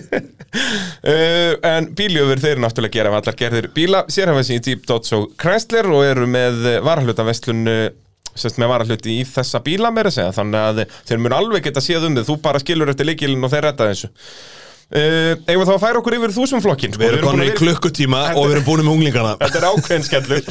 Það setjum í smá flugir. Jú, uh, þúsundflokkurinn, uh, það voru þau, já það voru þrýr ökumenn sem að ekki kláruðu úslit og ég byrjuði ekki einu sinni úslit, náttúrulega Jakob Pálsson kerði ekki neitt, þannig að það ver, þurfum ekki að ræ- tala mikið um það, það er sérst pappi hans Kristins sem að Það ætlaði ekki að stela bílum að sinni sínum Mér skil mjög vel. Já, Robert Knasiak, hann uh, kerði bara ykkur, Já. hann fyrir daginn. Og kom ekkert svo aftur Nei, og eitthvað, hann var svo aftarlega eitthvað að maður var ekkert mikið að pæla í honum tímiður. Nei En synd og skömm að hann náði ekki að klára sko, þetta hann er að koma inn í þetta svona sem er og- náttúrulega með hann ofur sítróin hann í 2000 flokki líka. Já, sem ég hlakka mikið til að vonandi slástu á næsta ári. Já, djöðl verður geggja að sjá hann eh, og ef að sögurnar réttar hann sé að fara að koma með sequentialkassa og ég veit ekki hvað og hvað, það væri geggja sko. Það væri mjög gaman En uh, já, Róbert, það gekk lítið hjá honum á Jarisnum núna, alveg svo í fyrstu keppni þá datt Jarisin út bara í fyrsta híti þannig að leiðilegt að hann í rauninni hefur ekki náð að safna sér neitt reynsla á brautina sko. Akkurat, sko, eflust eins og sem var hugsaður, sko. Já, Að Læra það. aðeins konseptið hvernig þetta er hann, sko. Uh, svo er það Rakel Ósk Einarsdóttir sem að ég var að sína flotta takta, hún endaði náttúrulega í sjöfundasæti í Íslandsmótinu og var að sína ágættis aktur hérna framan af. Uh, var yfirleitt svona að- að Já, berjast þarna uh, svona ekki alveg í topp fjórum heldur þar fyrir aftan Akkurat. svona eins og í, í sumar bara. En hvað, svo held ég að það bræði bara úr hjá henni mótorinn Já, Allavega- við, við sáum allavega bara bláan reik hérna og hún skröltir inn í pittgreið, sko. Já, og- ég held að hann hafi bara klára mótorinn í ekkonum Já, og gerir það hérna í var það ekki í þriðja riðli? Jú, ég held að. Held það að hérna og mætir ekki í úslit því miður Ægóin uh, hefur sungið sitt síðasta. Svo er það Steinun Marja Danielsdóttir var að mæti sína fyrstu keppni á uh, Team Toxic já, já og uh, sáum enga smá bætingu frá, frá byrjun til enda hjá henni. Heldur betur. Svona, ég spáði þessu svolítið annað fyrir daginn að hafa auga á henn út að það er, þú veist, fyrsta daginn að þá var hún ringuð bara eftir þrjá ringi eða eitthvað. Og svo undir lok setnindags að þá var eiginlega alveg hægt að ringa hana bara. Mhm.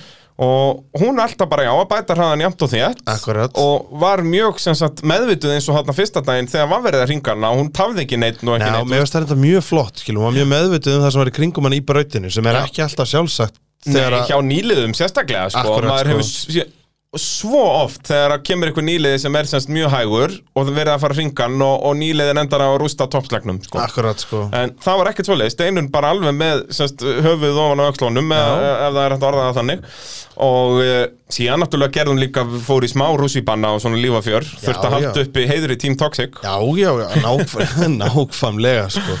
Og þannig farðu líka rallycross jæð, sko. Þú verður að vera já. smá hasar á þér, sko. Er, og þetta var svona, hún var hárspreitt frá því að velta þarna, hún svona tekur eitthvað snú snú Já, í lúpínunum. Já, við bara, á, velta, nei, hún snýri bara svo sá maður myndbandar bara, wow. Þetta er alveg, það kom alveg rispur upp á miðja hurð, sko, þetta var alveg það tæft Akkurat, sko, og toxistrákarnir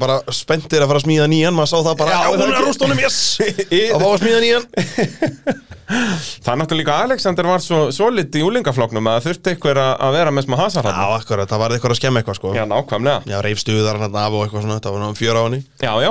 Uh, Bergþóra Karadóttir endar í uh, eh, Hvað er þetta, sjöunda seti? Mér sýnist það. Já, með minni það Í, í Já, uh, geggjuðum bíl.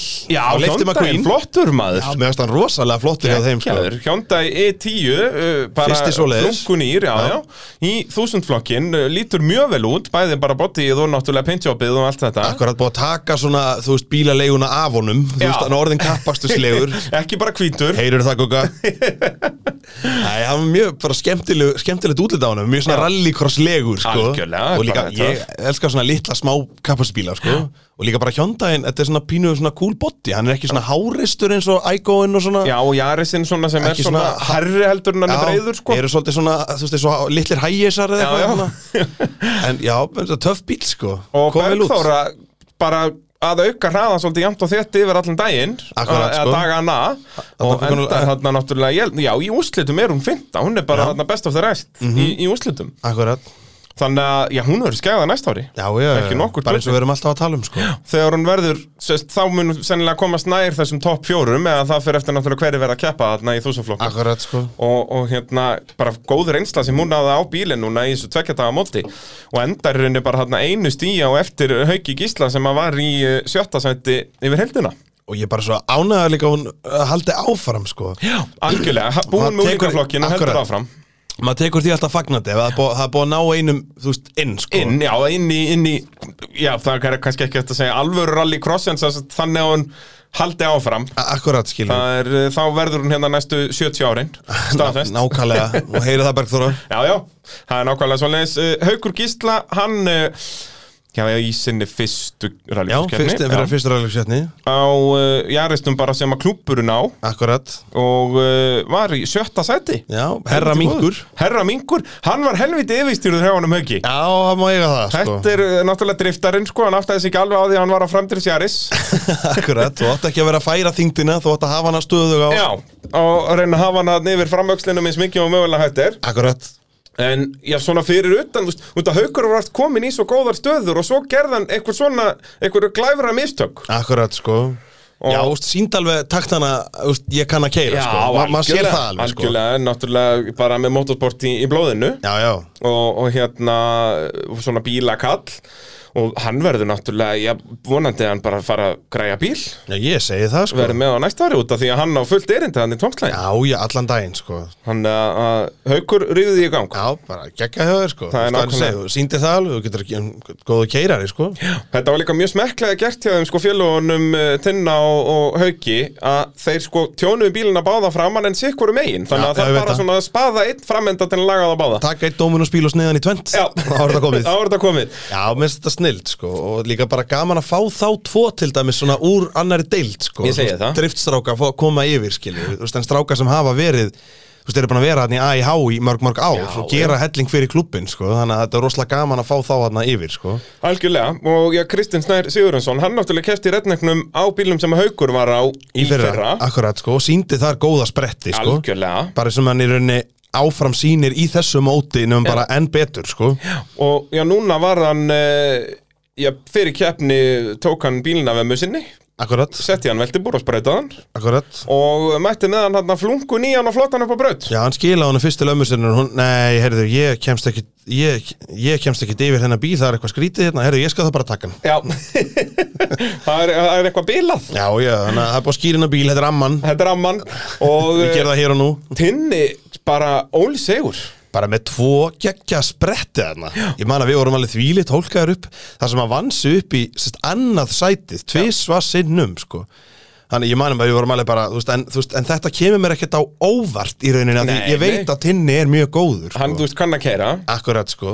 Og já, Tinni náttúrulega þið þekkið hann úr, úr mótaflappinu, hann er alltaf með mér hérna að tala um driftið. Akkurat sko, og hérna Síben, það vantaði bara svona meira konsistensi í rauninni, Já, að hann ég- var alveg með hraðan en eins og þarna, þú veist, hann nær bara tvisva, þrisva sinum að vera þarna í þessum toppslag og, og ræsa á fremsturöð en svo einhvern veginn yfirleitt er að ræsta fremsturöð og þá klúðraðist eitthvað í startinu sko. akkurat sko þá bara fór, en svo verður að taka það líka bara inn í myndina. Það er heldur ekkert grín að fara í hokkistrákan okkar hérna efst sko. Og þeir þetta er engin sýnir lömba að leika sig við sko. Nei, og þeir eru þarna fjórir og þetta sýnir líka hvað þeir eru konsistant, að þarna kemur nýliði inn, svona þannig séð, já. sem er mjög hraður en samt er hann, skilur hann annarkvort í öðru seti eða sjöunda seti akkurat sko. veist, það sýnir út að þetta er náttúrulega allt nákvæmlega bílar og þetta sýnir bara hvernig slagurinn er í þessum flokki. Akkurat sko, og þetta var líka bara en, þetta var svo fyndið, upplifinu var svona eins og svona þeir fjórir hafi verið svona, þú veist, þeir eru alltaf að berja hvort annan, Já. svo kemur alltaf inn svona 50, herri stráka, nú er áðustu bara á þennan sko, hann, hann er ekki að fara að koma hingað.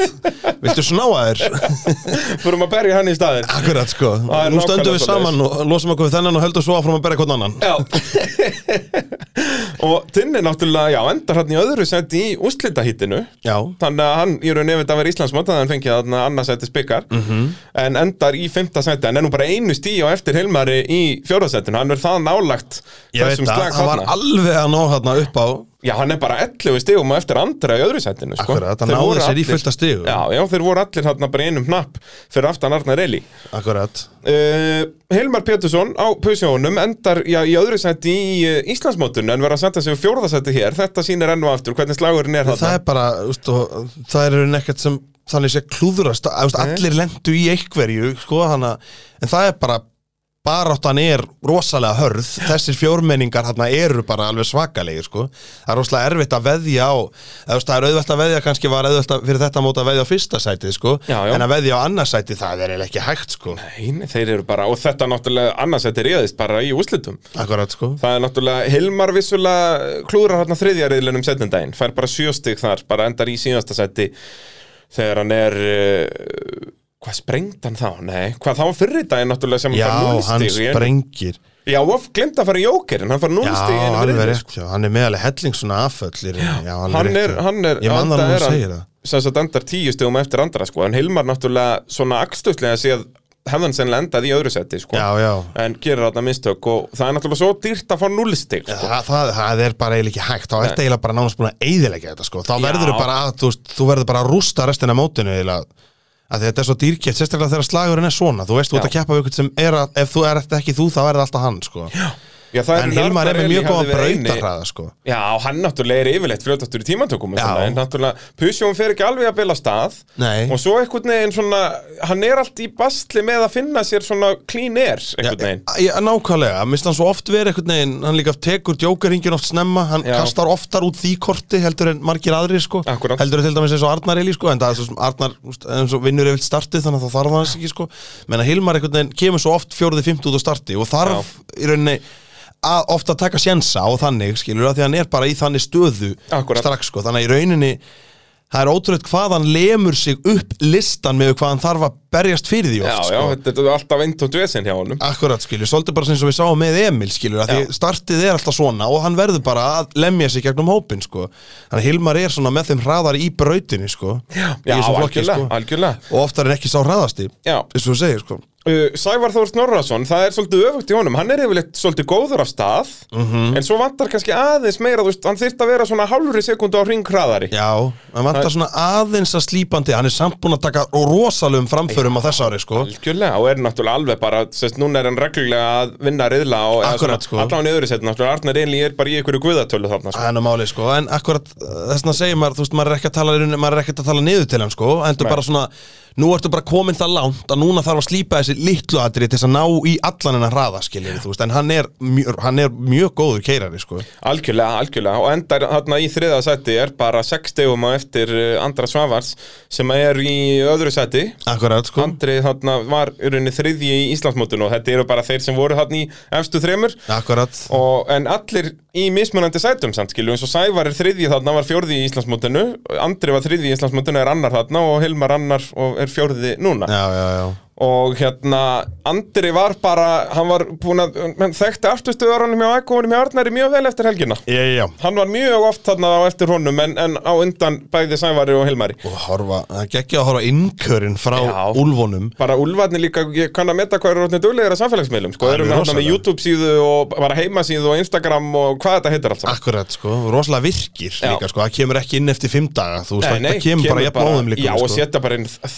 bara þátt bara bara um, Mhm. um hver einustu keppni, bara hvernig stemmingin er inn í rútunni hjá þeim og eitthvað, þetta er geggjað Já, mér finnst þetta algjör snild sko en, er, en það er rosalega að horfa myndbandi innan úr ægónum maður, maður bara úff Jep. Þessi litlu grei, þetta er bara, þú heyrir bara "Uh", bara, mér langar ekki að vera en það heyrir bara ára mótótnum allan tíman maður Já, og þú veist eins og sérstaklega alltaf fyrsti hringurinn sko þegar við komum inn á malarkablan bara hvernig þeir sjá eitthvað út, ég skil þetta ekki sko, þetta er bara eitthvað superhuman dæmi. Já, já, já, Þeir eru bara með einhverja svona laser vision bara, þetta er einhverju, einhverju ofurmenni Þetta eru ernir. Já. Uh, Arnar Eli Gunnarsson. Já, ég, hvað er þetta að segja um mannin?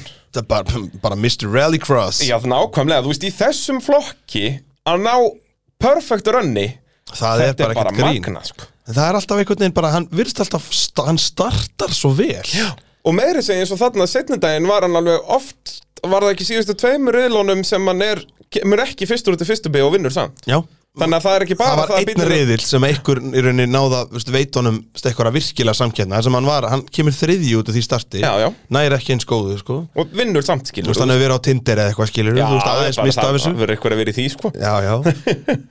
en þú veist, og þá, en vann samt riðilinn sko, þannig að eins og við tölum um þá bara, já, þarna sérðu okkur hann er Íslandsmeistari og sko, hann er rosalega góður sko, Algjörlega. og ef þú ert og hinir strákunni þurfa bara, þú veist, ef ég var að keppa við hann og, þetta væri alltaf staðan skilur, ég var hann alveg brjálæður þú veist, Já, já. þú veist, Ég var náttúrulega- að leita af öllu sem væri að bílnum og bara og Já, sjálfum þú mér og veist, bara það, það er það sem hinir þurfa að gera Þú veist, Já. Hvað er Arnar að gera sem hinir er ekki að gera að því bílarnir eru allir eins Já, þannig já. Þetta er bara, núna hæfum bara tím kraftflutningar. Það er ekki reynilega eitthvað, þeir eru með eitthvað secret recipe í þessum flokki, sko, búin að vinna þetta tvoður í raununa, Alli var náttúrulega mestararni fyrra og með svipa dominance, veist, ég man alveg Já, Alli já, var bara eins og Arnar var núna, hann sko. starta alltaf svo vel sko.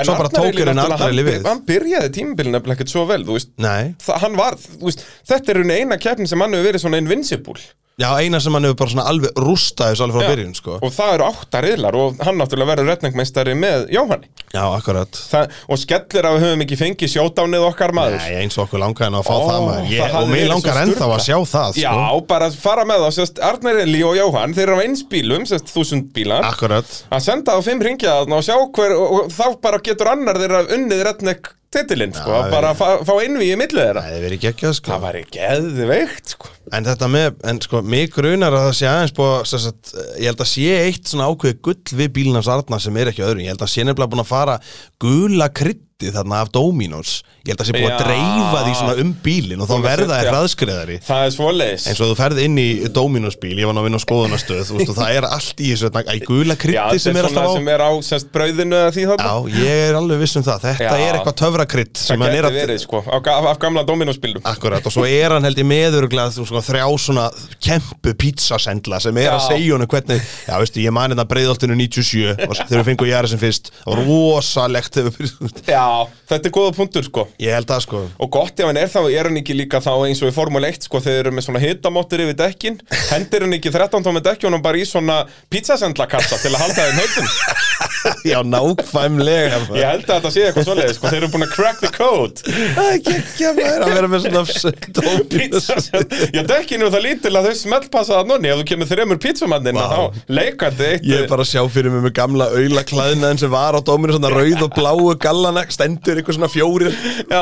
allir með svona haldanda og fergandari svona, svona mottu. Það þurfti að ge- búa til eitthvað svona skets með þessu. Já, Það er líkið ladri sér hvað það væri fyndið, sér hvað það væri gott maður. Og Arnar hann bara uh, uh, Arnar Eli Redneck meistari ásamt Jóhanni kemur úr keppni með fullt úr stiga 100 Já, Jóhann er redneckmeistari sann sko. Nú er Arnar ekki Redneck meistari? Nei, Jóhann fekk úr titilinn sko. Nú hva, hvernig Ég veit ekki hvernig þið dæmdu það sko En Jóhann er redneckmeistarinn sko. Ég sá það á myndunum, það var bara Jóhann sem fekk byggarinn sko. En ekki Arnar, deil, deila er ekki tillinum Nei, það verðist ekki vera. Einhvern veginn útskárið er að Jóhann væri redneckmeistari Fóru Alla á myndunum skeribla steitt bara Já, ég veit það ekki sko Eða, úst, já, samanlegur árangur að Tinder skilur Hvor varum við Já, betra ge- eitthvað? geti verið eitthvað svo leið sko En náttúrulega, sko, tæknilega út af þeir eru alveg hnífjafnir Þannig að það er ekki að velja sko hver vinnur oftar eða hver vinnur fyrr. Nei, Þá hvor er það, Arnar Eli, hann er fremri í rástur í, í, í stafróinu Þannig að Arnar ætti að vinna þetta. Já, ég veit ekki hvort þetta var tímatökutíminn sem þið fóru eftir eða? Jú, það getur þetta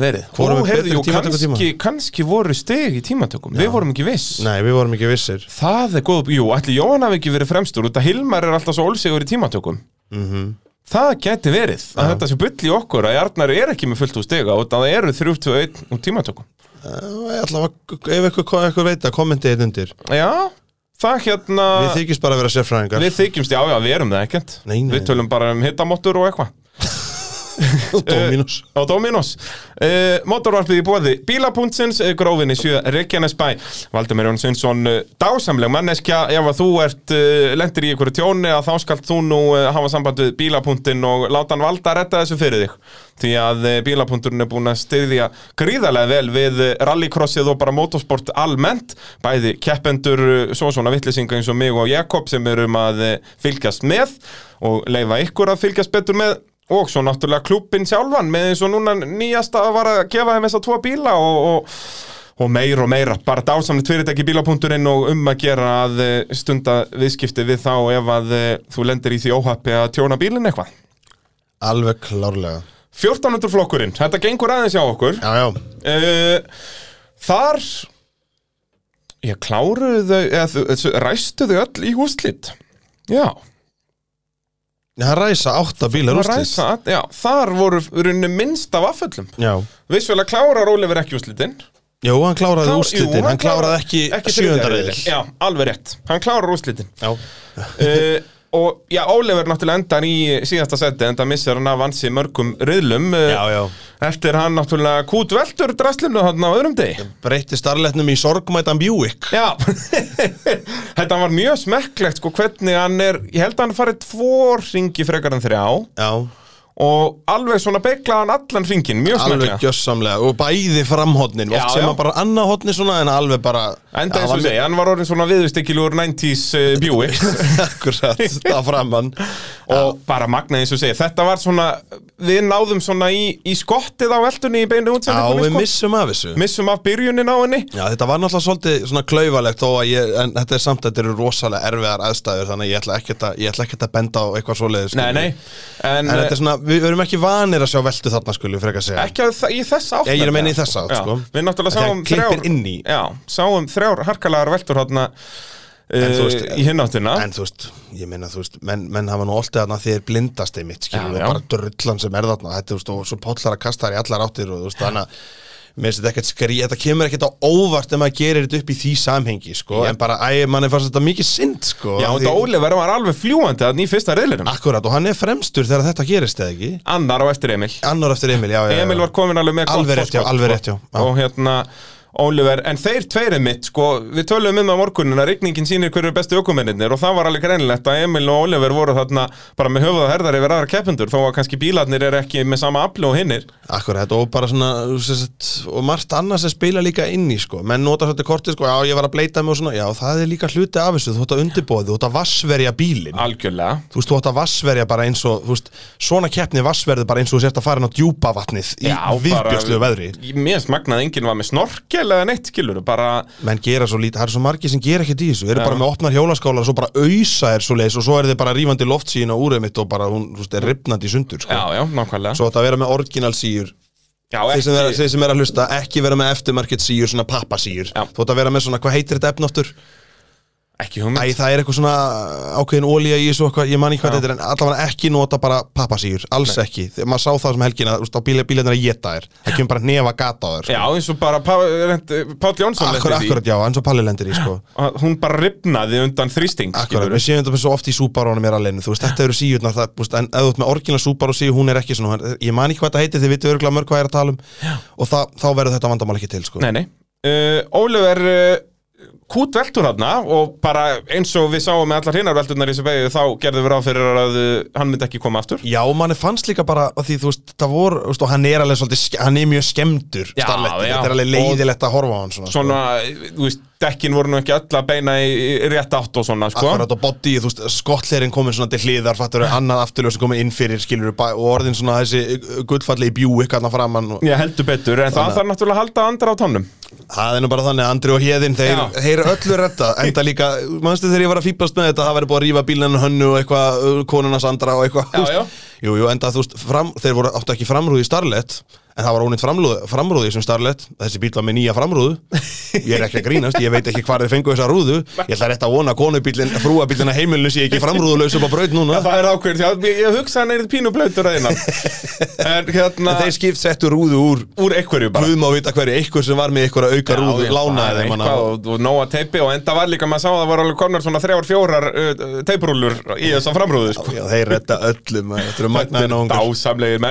það næra með þetta aftur en bílinn náttúrulega er svona hálfónýttur Já, þarna, er mjög lemstraður, sko. en þá hann var eitthvað að gera í vettur að vinna sambandið. Já, ég veit það, sko, ég held að og andra þykir svo vænt um starlit Ég veit það, Alveg eins og hann bíl. sýndi, þú veist, þessi bíl var náttúrulega bara ónýtur eftir krassið þannig fyrstu Akkurat. En nei, nei, þá bara dundar Andri sig við og að smíða nýjan bíl. já, og kom betri en nýr. Já, já. og skiptir um sko engan smá panel af bílnum Já, bara alla hliðin á honum. Já, og gólfið fram að tönneli líka. Þetta var ekkert smá sem þetta laga og hluta búrinu og það var nóg að laga þarna Og það er bara eins og ég segja það, þe- Þessi bíl er miklu meira smíðaður á Íslandi núna heldur en Japan sko. Akkurat, þetta er geggjaði bíl sko. uh, Guðriður Óks Steinastóttir Hún endar þarna í næstíðasta seti Í 1400 flokknum á hjóndaginum Svona ekki alveg hennar keppni. Hún náttúrulega lendir í einhverju vandræðamanda fyrir daginn Það ekki? Dettur hún ekki út úr tveimur eðlum þá?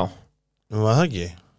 Mér minnir það. Ég er ekki mest í henni eftir, eftir fyrirdaginn En uh, Jú, hvað, hún er bara með 28 steg eftir fyrirdaginn.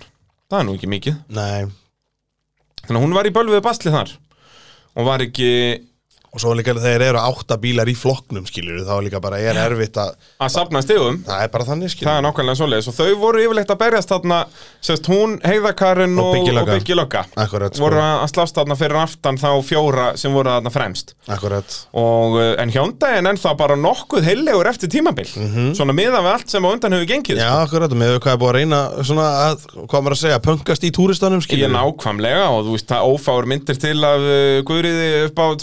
nákvæmlega og og, líf og fjör og í einhverjum hamagangi Já, sko. já, já, þannig að, að hérna, það er aðeins búið að refsa hjóndaginnum já, já, já, en mér finnst hún líka bara oft mega, þú veist, hún áða alveg inni, hún hefur alveg sínt spretti, Já. að hún kann alveg að keira, þú Já. veist, hún bara, þú veist, bara oft þarf að íta svolítið í sjálfa sig held ég, sko. Já, það vantar líka kannski svona aðeins meira eins svona konsistanti síðan Mhm. þannig, sko. Það, við höfum oft séðan að bara í, í fyrsta seti í flokknum líku við eftir Akkurat, fyrstu beigju, bara, sko. já, ég meina oft verið á fremstu línunni komið komi sér þangað og, og alveg, veist, og ekki bara svona því þessi snýri eða eitthvað, hún er alveg unni sér inn fyrir því, sko, vantar einmitt svona, bara einmitt svona consistency, skilur, að því hún er því hún er ótrúlega seg, hún er löngu búin að sína það, skilur, Já, síndi það bara þegar hún var í þúsund, skilur, Já, hún er góður ökumæður, sko, já. Og, og það er bara á næsta ári verður hún vonandi bara mætt í toppslægin hún er náttúrulega alltaf að byggja sig upp, skilur, ég held hún komið með svona vaffir síu útgáfa næsta Já, bara, það ekki opin flokkur, Eina Já, já, vitið, já. eina vitið. Uh, Heiðakarin Fylkisdóttir var svo þar á undan á sparkinum Var í, í sjötta seti í Íslandsmótinu. Náttúrulega Guðriður var í fjórða seti í Íslandsmótinu. Já, já, Og hérna, en Heiða endar á undan með 90 stig eftir uh, daginn þær voru nú heldur betur Dagana. með klædnar úti þær dömur á hvor aðra. það er hérna voru, voru duglegar að pöngast í hver annari Já, já, og heiða náttúrulega, já, var að miklu leiti ofta berjast við einmitt byggalöggu, þau náttúrulega inn spílum. Já, já, en það var Birgir Raut Guðjónsson, byggalögga sem að hafði betur. Já, þau eru uppe á staði. já, heiðakarinn eh, náttúrulega hinnir tveir fjölskyldumeðluminnur unnu, unnu báðir Já, já. pappi og, og, og litli bróðir en heiða var að setja sig þarna við, já, er þetta ekki sjötta setið, jú Já, ég held að hafi líka bara verið sko að því þú veist, þú veist að vanalega þá löggana að elta sig en þú Já. veist, heiða er náttúrulega bara, herri, viltu gera svo vel, þú eldi mig ekki, sko, ég eldi þig. Ég eldi þig. Hún uh, snýr við blaðinu ef Það er átt að segja það. Akkurat, sko, syndir á móti strömmnum Nákvæmlega. Uh, Biggi endar þarna í fymta seti Frábær árangur í honum uh, Já. Er þarna í fjórða seti í úrslitunum sjálfum. Já, og hérna, sem sagt, uh, já, Nú bæ- er þriðja reyðilega það ekki Jú, það var sérst, hann vann sig upp á, á fremri línuna Já. í síðustu tveimur Í rauninni, ef, sko. að, úrslitin hefðu bara verið vennilegur eða hlæðan rest þar að fremstu röð. Akkurat, sko, þannig að þetta var virkilega vel gert hjá hann, sko. Við er bara hægt og rólega að vinna sig upp einmitt sko, eins og ég orðaði þetta í ykkur kommenta á Facebook að maður sá sko strax greinilega hann kynnalega að kera bíl Já, já. en svo sá maður svona reiskraftið hans verða betra og betra sko. Akkurat, sko, Ah. og fekk nú aldeilis krefjandi aðstæður líka til þess að fá frumröðin að þessu, sko. Heldur betur, tvekja þetta á móti með þessum þeir aðstæðum Nei, nei, nei, það kom sól hérna 97 sko Já, Þetta er-. Þetta er æðislu staður Það þarf náttúrulega að fara bara að smíða þess að braut úst í Mósveldalnum eða eitthvað. Þetta gengur ekki að hafa þetta út í kapillurinn Það er alltaf rigning hann Nefnir að segja að við vorum út á Granda og það var sko viður styggilegt veður. Og hvað vorum við með? Það er rétt síndi smá Já, rigningadropa það sem við vorum. kom dropar á okkur Það var Já. ekki, og valla vindur nei, það var bara loknaðna Þetta, var, þetta er bara vitleisa að vera þarna.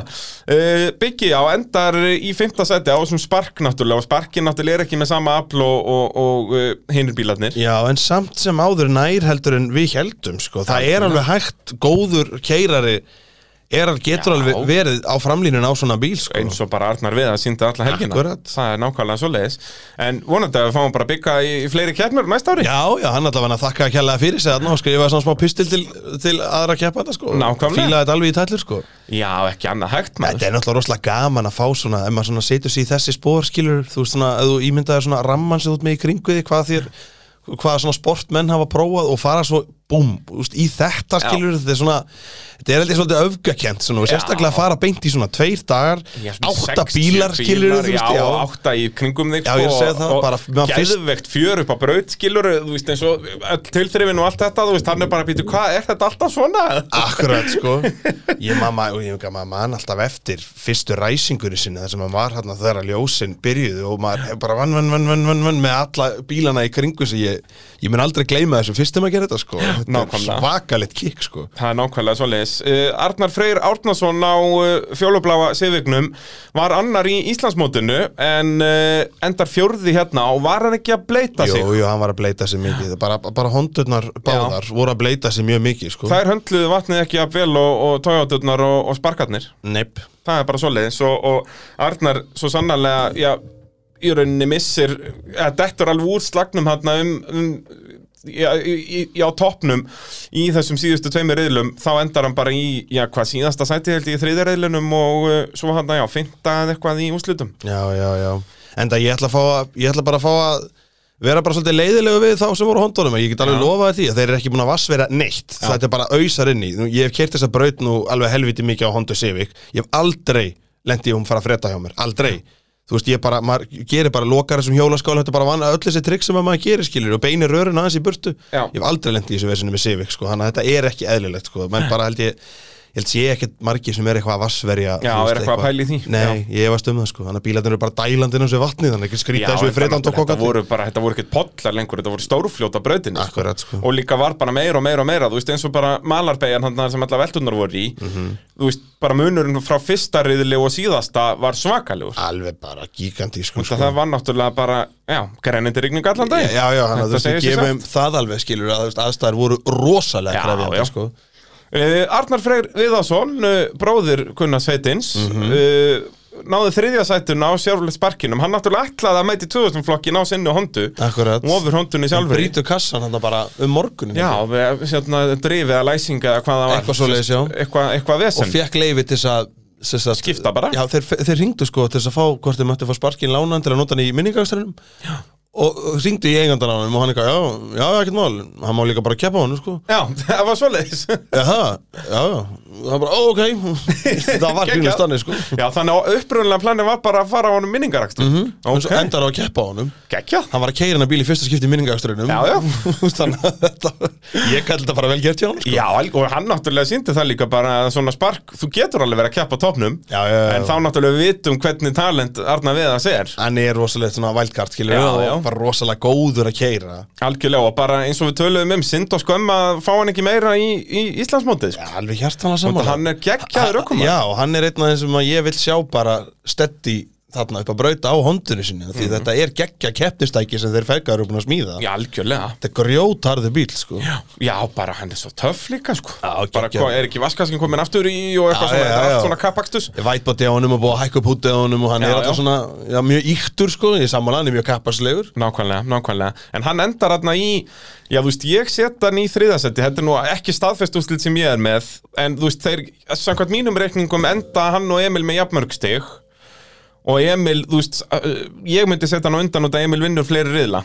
Mm En þeir allavega enda þá, já, eru í öðru til þriði En síðan veit ég ekki að það eru líka stig fyrir tímatökur að ég Þá, man ekki myndirna sem byrstar voru hvor er í hvaða sæti? hvor var á undan? það skiptir svo mikið Nei, nei, annað til þriðja bara En Emil Þór Reynisson Íslandsmeistar núlingaflokki Mætir á sínum einslítra Jaris. Já, ég held að Emil hafi verið þriði Ég held að sé öf Já, það séu öfugt, Mig já, Arnar hafi verið á undan í tímatökum skiptir ekki öllu? Nei, nei, En Emil nær þarna, já, þá þriðja sæti í 1400 flokki og hann mætti ekki bara í 1000 flokkin heldur einu skrifi ofar. Mhm. bara, og ég hef nú ennþá ekki fengið svör við þeirri af hverju hann gerði það? Nei, ég bara hef ekki hugmynd hvort af það sé komin, er, er komið 1300 mótur í Jarisin, Nei, veitum við það? Nei, þetta er bara sama, hann er bara nákvæmlega Einu munurinn er að hann var að keira hann á slikkum já, fyrir daginn, sko. já, Bara að sjálfsögðu, eins og allir hinni bílarnir. Já.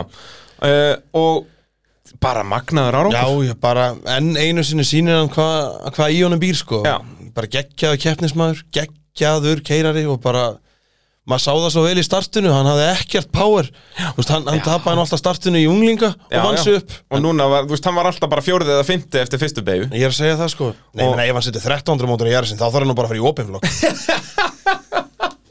Ég held að það sé nákvæmlega svo leiðis Já. En sko, þú veist, hann er þarna samkvæmt mínum reikningum fimm stigum á eftir Palla sem að verður meistari. Já.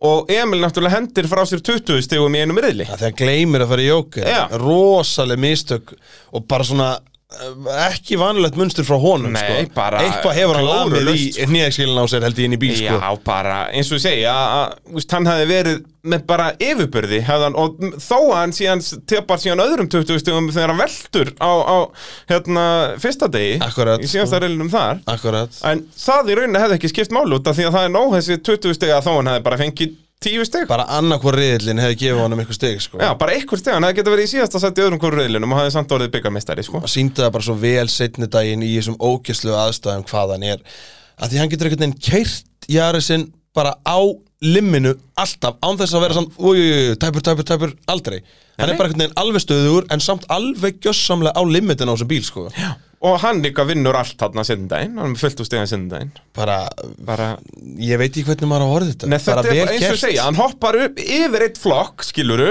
fer tvö skref áfram. Það er allt á mótonum í rauninni, hann er ekki með bílpróf hann er ekki á bíl fyrir þennan flokk. Já.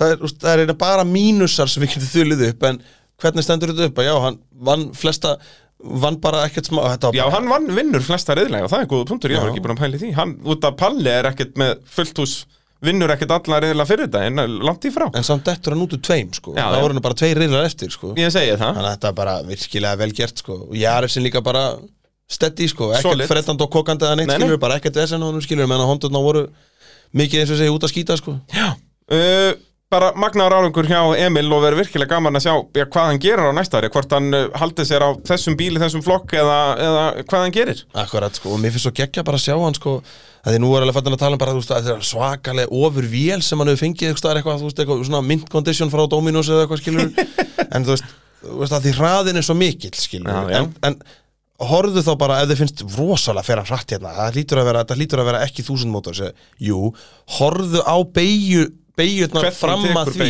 akkurat, hann kemur svo hratt inn og hratt út þú veist að hann er með svo, þess vegna er auðvitað meðalhraðin meiri hann, Já, já. Hann, því hann heldur hraða svo rosalega vel sko. Það hefði verið gaman að vera bara með þú veist, svona speed trap bara inn í Já. til dæmis annar hverju malarbeginni Veist, hann hefði sennilega verið hraðari en opnuflokksbílarnir hann í gegn sko. Bara, bara, í, í bleitunni það, það er geggja að horfa á hann keira þennan jari sko. Þetta er bara bara unun að þessu. Það er bara, þetta er bara svo gröfum að þetta er 40 ára að stýra gröfu. Þetta er bara, þetta er eins og hendin á honum. Hann stýrir þessu alveg, hann er bara með hennan bíl alveg. Bara framlenging af líkamanns basically, hvernig hann handlar þetta. Geggjaður sko. Uh, Páll Jónsson er redneckmestari í 14. flokki. Já, geggja comeback hjá fyrrum Íslandsmestaranum í Þorvöldræf Og rosalega þóttum manni væntum að sjá þessa krullur konar hann aftur maður. Okkar maður James Hunt. Já, Mættur nákvæmlega. aftur upp á braut sko.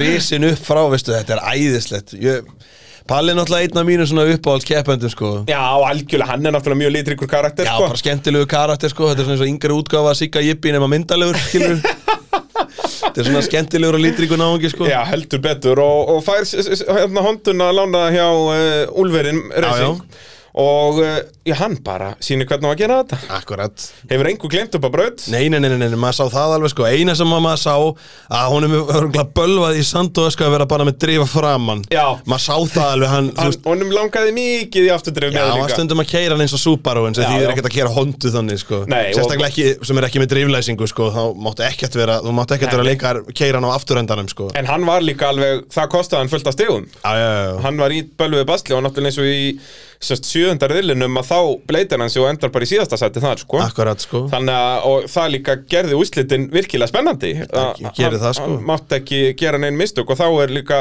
komið bílum í eitthvað lag og hann endar í þriðasæti þar sem var nóg til að ná titlinum. En já, tæpara gataði ekki mikið verið. Þetta voru bara, já, fimm steg á milli Mhm. þannig að, eh, en já, bara geggja ráningur hjá, hjá Palla og, og vonandi bara lætur hann servistrákarna verið í þessari torfæru, þeir, þeir eru líka ansi litrikir í torfærunni, strákarnir sem hafa verið að gera rolluna og fá Palla bara rallycrossið. Já, nákvæmlega, ég var um þetta að spjalla eins við hann í gær sko. Hann er mitt var að tala um þetta sko. Við ættum að finna okkur fjóra súpar og, og taka comeback. Ég, var- Kristinn Sveinsson, Palli og Himmi það væri rándýrt. Akkurat. Það væri geggjað. Já, þetta var skemmtilegi tímar. Já, heldur betur og, og uh, já, Páll hefur einhver glemt og varð uh, meistar í 14. flokki þrátt fyrir alveg svona upp og niður dag. Þú veist, hann vinnur ekkit nema bara hvað einhverja tvo, þrjá riðla þarna fyrsta daginn? Vinnur ekkit setni daginn. En næra halda sér samt Já, alltaf hann þarna er uppi, alltaf í topp þremur sko, eða Akkurat, topp sko. fjórum Og bara mikil barátta þarna skilur Já, þeir voru alveg fjórir á toppnum bara. Þó að þetta voru í rauninni tveir Honda Civicar og svo Yaris og Spark alveg mismunandi bílar en, en alltaf, alltaf Já, og svo Oliver líka í rauninni þannig fyrir daginn. Þeir voru fimm svona rosalega mikið að berjast sko. Auðvitað, auðvitað. Og eins og ég segi, synda að missa Oliver úr þessum toppslag hérna sendindaginn þá einmitt var hann að fara ennþá hraðar í, í rigningunni. Akkurat Já, Eh, það var geggjaður Eins og þú veist að tala um áðan að sjá hann og Emil í rigningunni maður bara, vá hvað þetta er flott hjá okkur þeir bara, út af þeir voru að stinga hérna af bara sko. Að sko. Palli var náttúrulega, þá var Palli líka aðeins að venjast aðstáðunum hérna í, eins og ég segja, hann vildi vera á Subarunum sko. Já, maður sá það alveg, hvernig hann keiriði, hvernig hann setti bílinn upp Sá maður bara, nei, þetta er ekki Subaru Páll Alveg sama hvað reynir, það er, þetta er ekki Subaru sko Og, en síðan náttúrulega byrjaði Palli að auka eins ferðina ferðina já, á já. daginn, sko. uh, Motorvarpið í bóði tækjaflutninga Norðurlands að sjálfsögðu tækjaflutninga Norðurlands uh, eins og bílapunkturinn döglega er að styrkja íslenskt motorsport og uh, flytja allt milli heimins og jarðar út um allt land.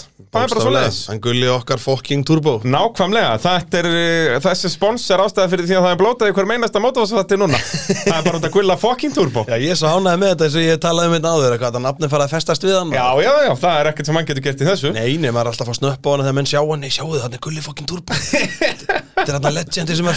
það, í Já, nákvæmlega, legendið, sko. Alltaf eins og að segja, menn sá bara, vá, þetta var bara eins og Steve Bona nýtt parker Tækjaflutninga Norðurlands, dásamlegt fyrirtæki endilega um sambandi þá þið þurfið að láta flytja eitthvað landsotnana á milli. Þá er það 2000 flokkurinn. Við erum halnaðir Jeebs e, þar voru náttúrulega flest afföll ef maður talar um sko e, hverju, hverju klára úslit að það eru bara fjórir bílar sem að klára úslit Já, af e, nýju sem að byrjuðu daginn alveg rétt. Og þó nei, náttúrulega Viktor Ragnar byrjar aldrei. Nei, hann kom var aldrei. skráður. Já, hann var í einhverju vesinu með innkjafabarka. Já, á, sem sagt, en var ekki hægt að redda því. Þetta er náttúrulega svona gömul kórála, sko. Þetta er hérna bara Þetta er bara Kási kórólan þeir eru það sem þekkja bara gamla Já. Kastrol kórólan sem Pétur Bakari var meistara og Siggjóli smíðað og kefti á lengi Já, og, þú veist, þessi bíl var í rally árið 97 án djóks. Þú veist, hann fær ekki að deyja Nei, hann fær ekki hvíl í friði. Nei, þetta er grínlust eins og að taka, þú veist, bara sem nýtt stríð, kottu hérna, nei, býtti, ég er nú bara að hafa hugunum þetta, nei, nei, Nei, þú, þú ferð þetta út. grei Já, ég meina, þú veist, Vikar er búin að gera heiðarlega tilhund þess að verða, þú veist, ballettansmæra á þessum bíl og Já, eða, já. veist, eða limbotansmæra, hvað á svo kalla, eða fimmleika, þú veist, veit ekki hvað maður á að kalla það einsinni Æ, á hún ekki bara að fá hvíl í fyrir, En þú veist, ekki gaman, alltaf gaman að fá fleiri keppnisbíl Já, algjörlega, og synd að skömma að Viktor hafi ekki náða að mæta til já, Nú að komið gas. Já, með nýtró í hana og Þá hafði þetta nú enda bara eins og Guðni Þorbjörnsjóðna í gamla dag á ofurlötunum, bara sprengja móndar í hverju meinastarðið Já, ég, já, eða ég sá bara bílum eða bara bílinn myndi bara reynilega Já, bara kabúm bara eins og hörbi, myndi bara frammyndin færi fram úr segja En hvað, er þetta en þá alltaf sama body? Nei, Pétur Bakari skipt um body, eða ekki? Hann setti bara nýja er- hluti Já, ég er svona 90% um það Þetta, þetta er bara, bíllinn sem að bíllinn Siggi Óli smíðaði. Ég er nokkuð við svona, já Það er dásamlegt. Nei, og Pétur er, nei, hann skiptir ekkert um bóti Nei, Hann, hann er- bara skiptir um, já, mi- mikið að panelum á honum skilur, Þetta er sami bílinn, þetta er ekki svona hamarinn að safa. Það nei. er sami undivagn og sami Já, það, þetta og er hóf sömu, þetta sömu, sömu, sama þak og allt þetta skilur eða svona, já. Uh, En já, Viktor mætir ekki til leiks. Uh, Náttúrulega Birgir Guðbjörnsson var skráður til leiks sem ökumar ætlaði að mæta bara sunnudaginn. En það kom ekki til mála að taka bílinn af Kristoffer Daniels Því að hann var í fyrsta seti fyr- fyr- fyrsta dag. Akkurat, sko. Það er sérst Birgir Guðbjörns uh, Hann er búinn að kaupa hann, eða ekki? Mm -hmm. Búinn að kaupa naf, nafna sínum Já. Kristjánsinni uh, Sérst Typer Honduna KFC hónduna eins og við kallum hana Akkurat og uh, en lánaði Kristoffer bílinn ég er rauninni bara út að hann tafðist sko Birgir var út á Tenerife Já. og flugið tafðist eitthvað þannig að uh, hann ringir í Kristó bara eitthvað degi fyrir keppnileiku og heyrðu getur þú kæft á bílum morgun Já, eins og hína þrjá sem voru í keppninni Jep Hann á Tenerife og með þrjá bíla í keppninni sko. Já, þetta er grjóthart. er undarleg taktík sko. Já, þetta er afar einkennilegt Já, já, hann mætir, það verður gaman að sjá hann mæta á þessum bíl Já, algjörlega, því hann sko. er uh, hörku, hörku keirari Já, hann sýndi okkur það upp á kákábaröð sko. Nákvæmlega Gekkjaður og bara ég, eins og við tölum um í síðasta þætti sko, bara eiginlega svona maður keirari þeirra keppni, ef maður þetta velja sko. Já, nákvæmlega. Bara Gekkjaður aukumaður sko. Bara gekkja líka að sjá hann hvernig hann er að koma inn í motorsporti aftur núna sko Bara með að- bombu Já, já, og hann er uh, reyndar, hann er eitthvað að miskilja þetta sko að þá hátt ekki kaupa alla bílana þú átt að keppa á þeim sko Já, já, já. A- a- Þetta er eins í haustaralinu næstu helgi að það er hann með bíl í keppni en hann er ekki sjálfur að Já, keppa er Baldur að keppa á bílum hans Já. grunna það Þetta er eitthvað miskilningur hefur Birgir minn uh, Sigurbjörg Björgvinsdóttir uh, hún var endað í ykkur bastli hún keppir ekki, hún ræsir ekki úsli Nei, þetta var svona svolítið brashelgi því yfirleitt er nú svona mastan Já, hún keirir alltaf Já, sko. akkurat sko. En það var eitthvað vesinu, ég veit reyndar ekki hvað það var sko. Nei, spurði hvort það var bara bleita sig eða hvað það var? Já, það gæti verið eitthvað sko Eitthvað svoleiðis, uh, Guðmundur Örn Þorstensson sá mikli meistari á fókusnum. Akkurat. Uh, Hann sem við leiði sko, fókusin var ekki að fíla sig í vatninu. Nei, nei, nei, nei, nei. En það var aðalega það sko, það var ekki mótorn sem var að bleita sig Þetta var bara móða sem var að trubla hann. Já, ok. Þess að þú veist eins og einum reyðilega hættan bara út að hann sá ekkert út sko. Já, ok. Þannig að það hefði þurft að skella sér upp í AB varahluti og fá sér smá Reynex innan á rúðu eða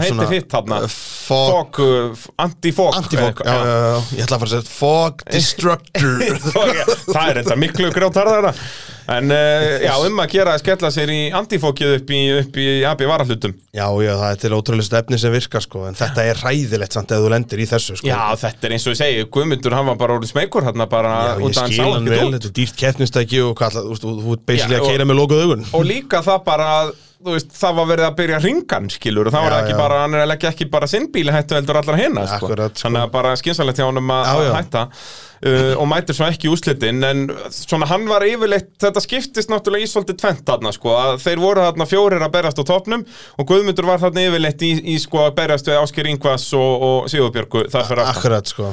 Og var nú yfirleitt á undan þeim báðum sko fyrir daginn. Mm. með minni það, hann hafi alltaf verið sko best of the rest eða svona yfirleitt Uh, Ásker Ingvarsson að mæta í sína fyrstu keppni Já. á pusjónum hann Sverris. Akkurat, krakkarnir búin að gera við hann fyrir hann. Nákvæmlega. Og þessi pusjón náttúrulega eh, velti í, sumar, alveg nokkuð harkalega. Akkurat. Og uh, Sverrir eh, náði ekki að mæta sjálfur. Nei, og Ásker mæti náttúrulega Ásker, hann var að kaupa hérna Del Sol Civicin, er sem er bara bít sem Gunni Bjarnar smíðar í kringum aldamót eða eitthvað svoleiðis sko. Geggjuð Honda, bara kappastusbíl bíll, bara sko. Frá toppi til táar Alveg bara geggjaða bíl sko.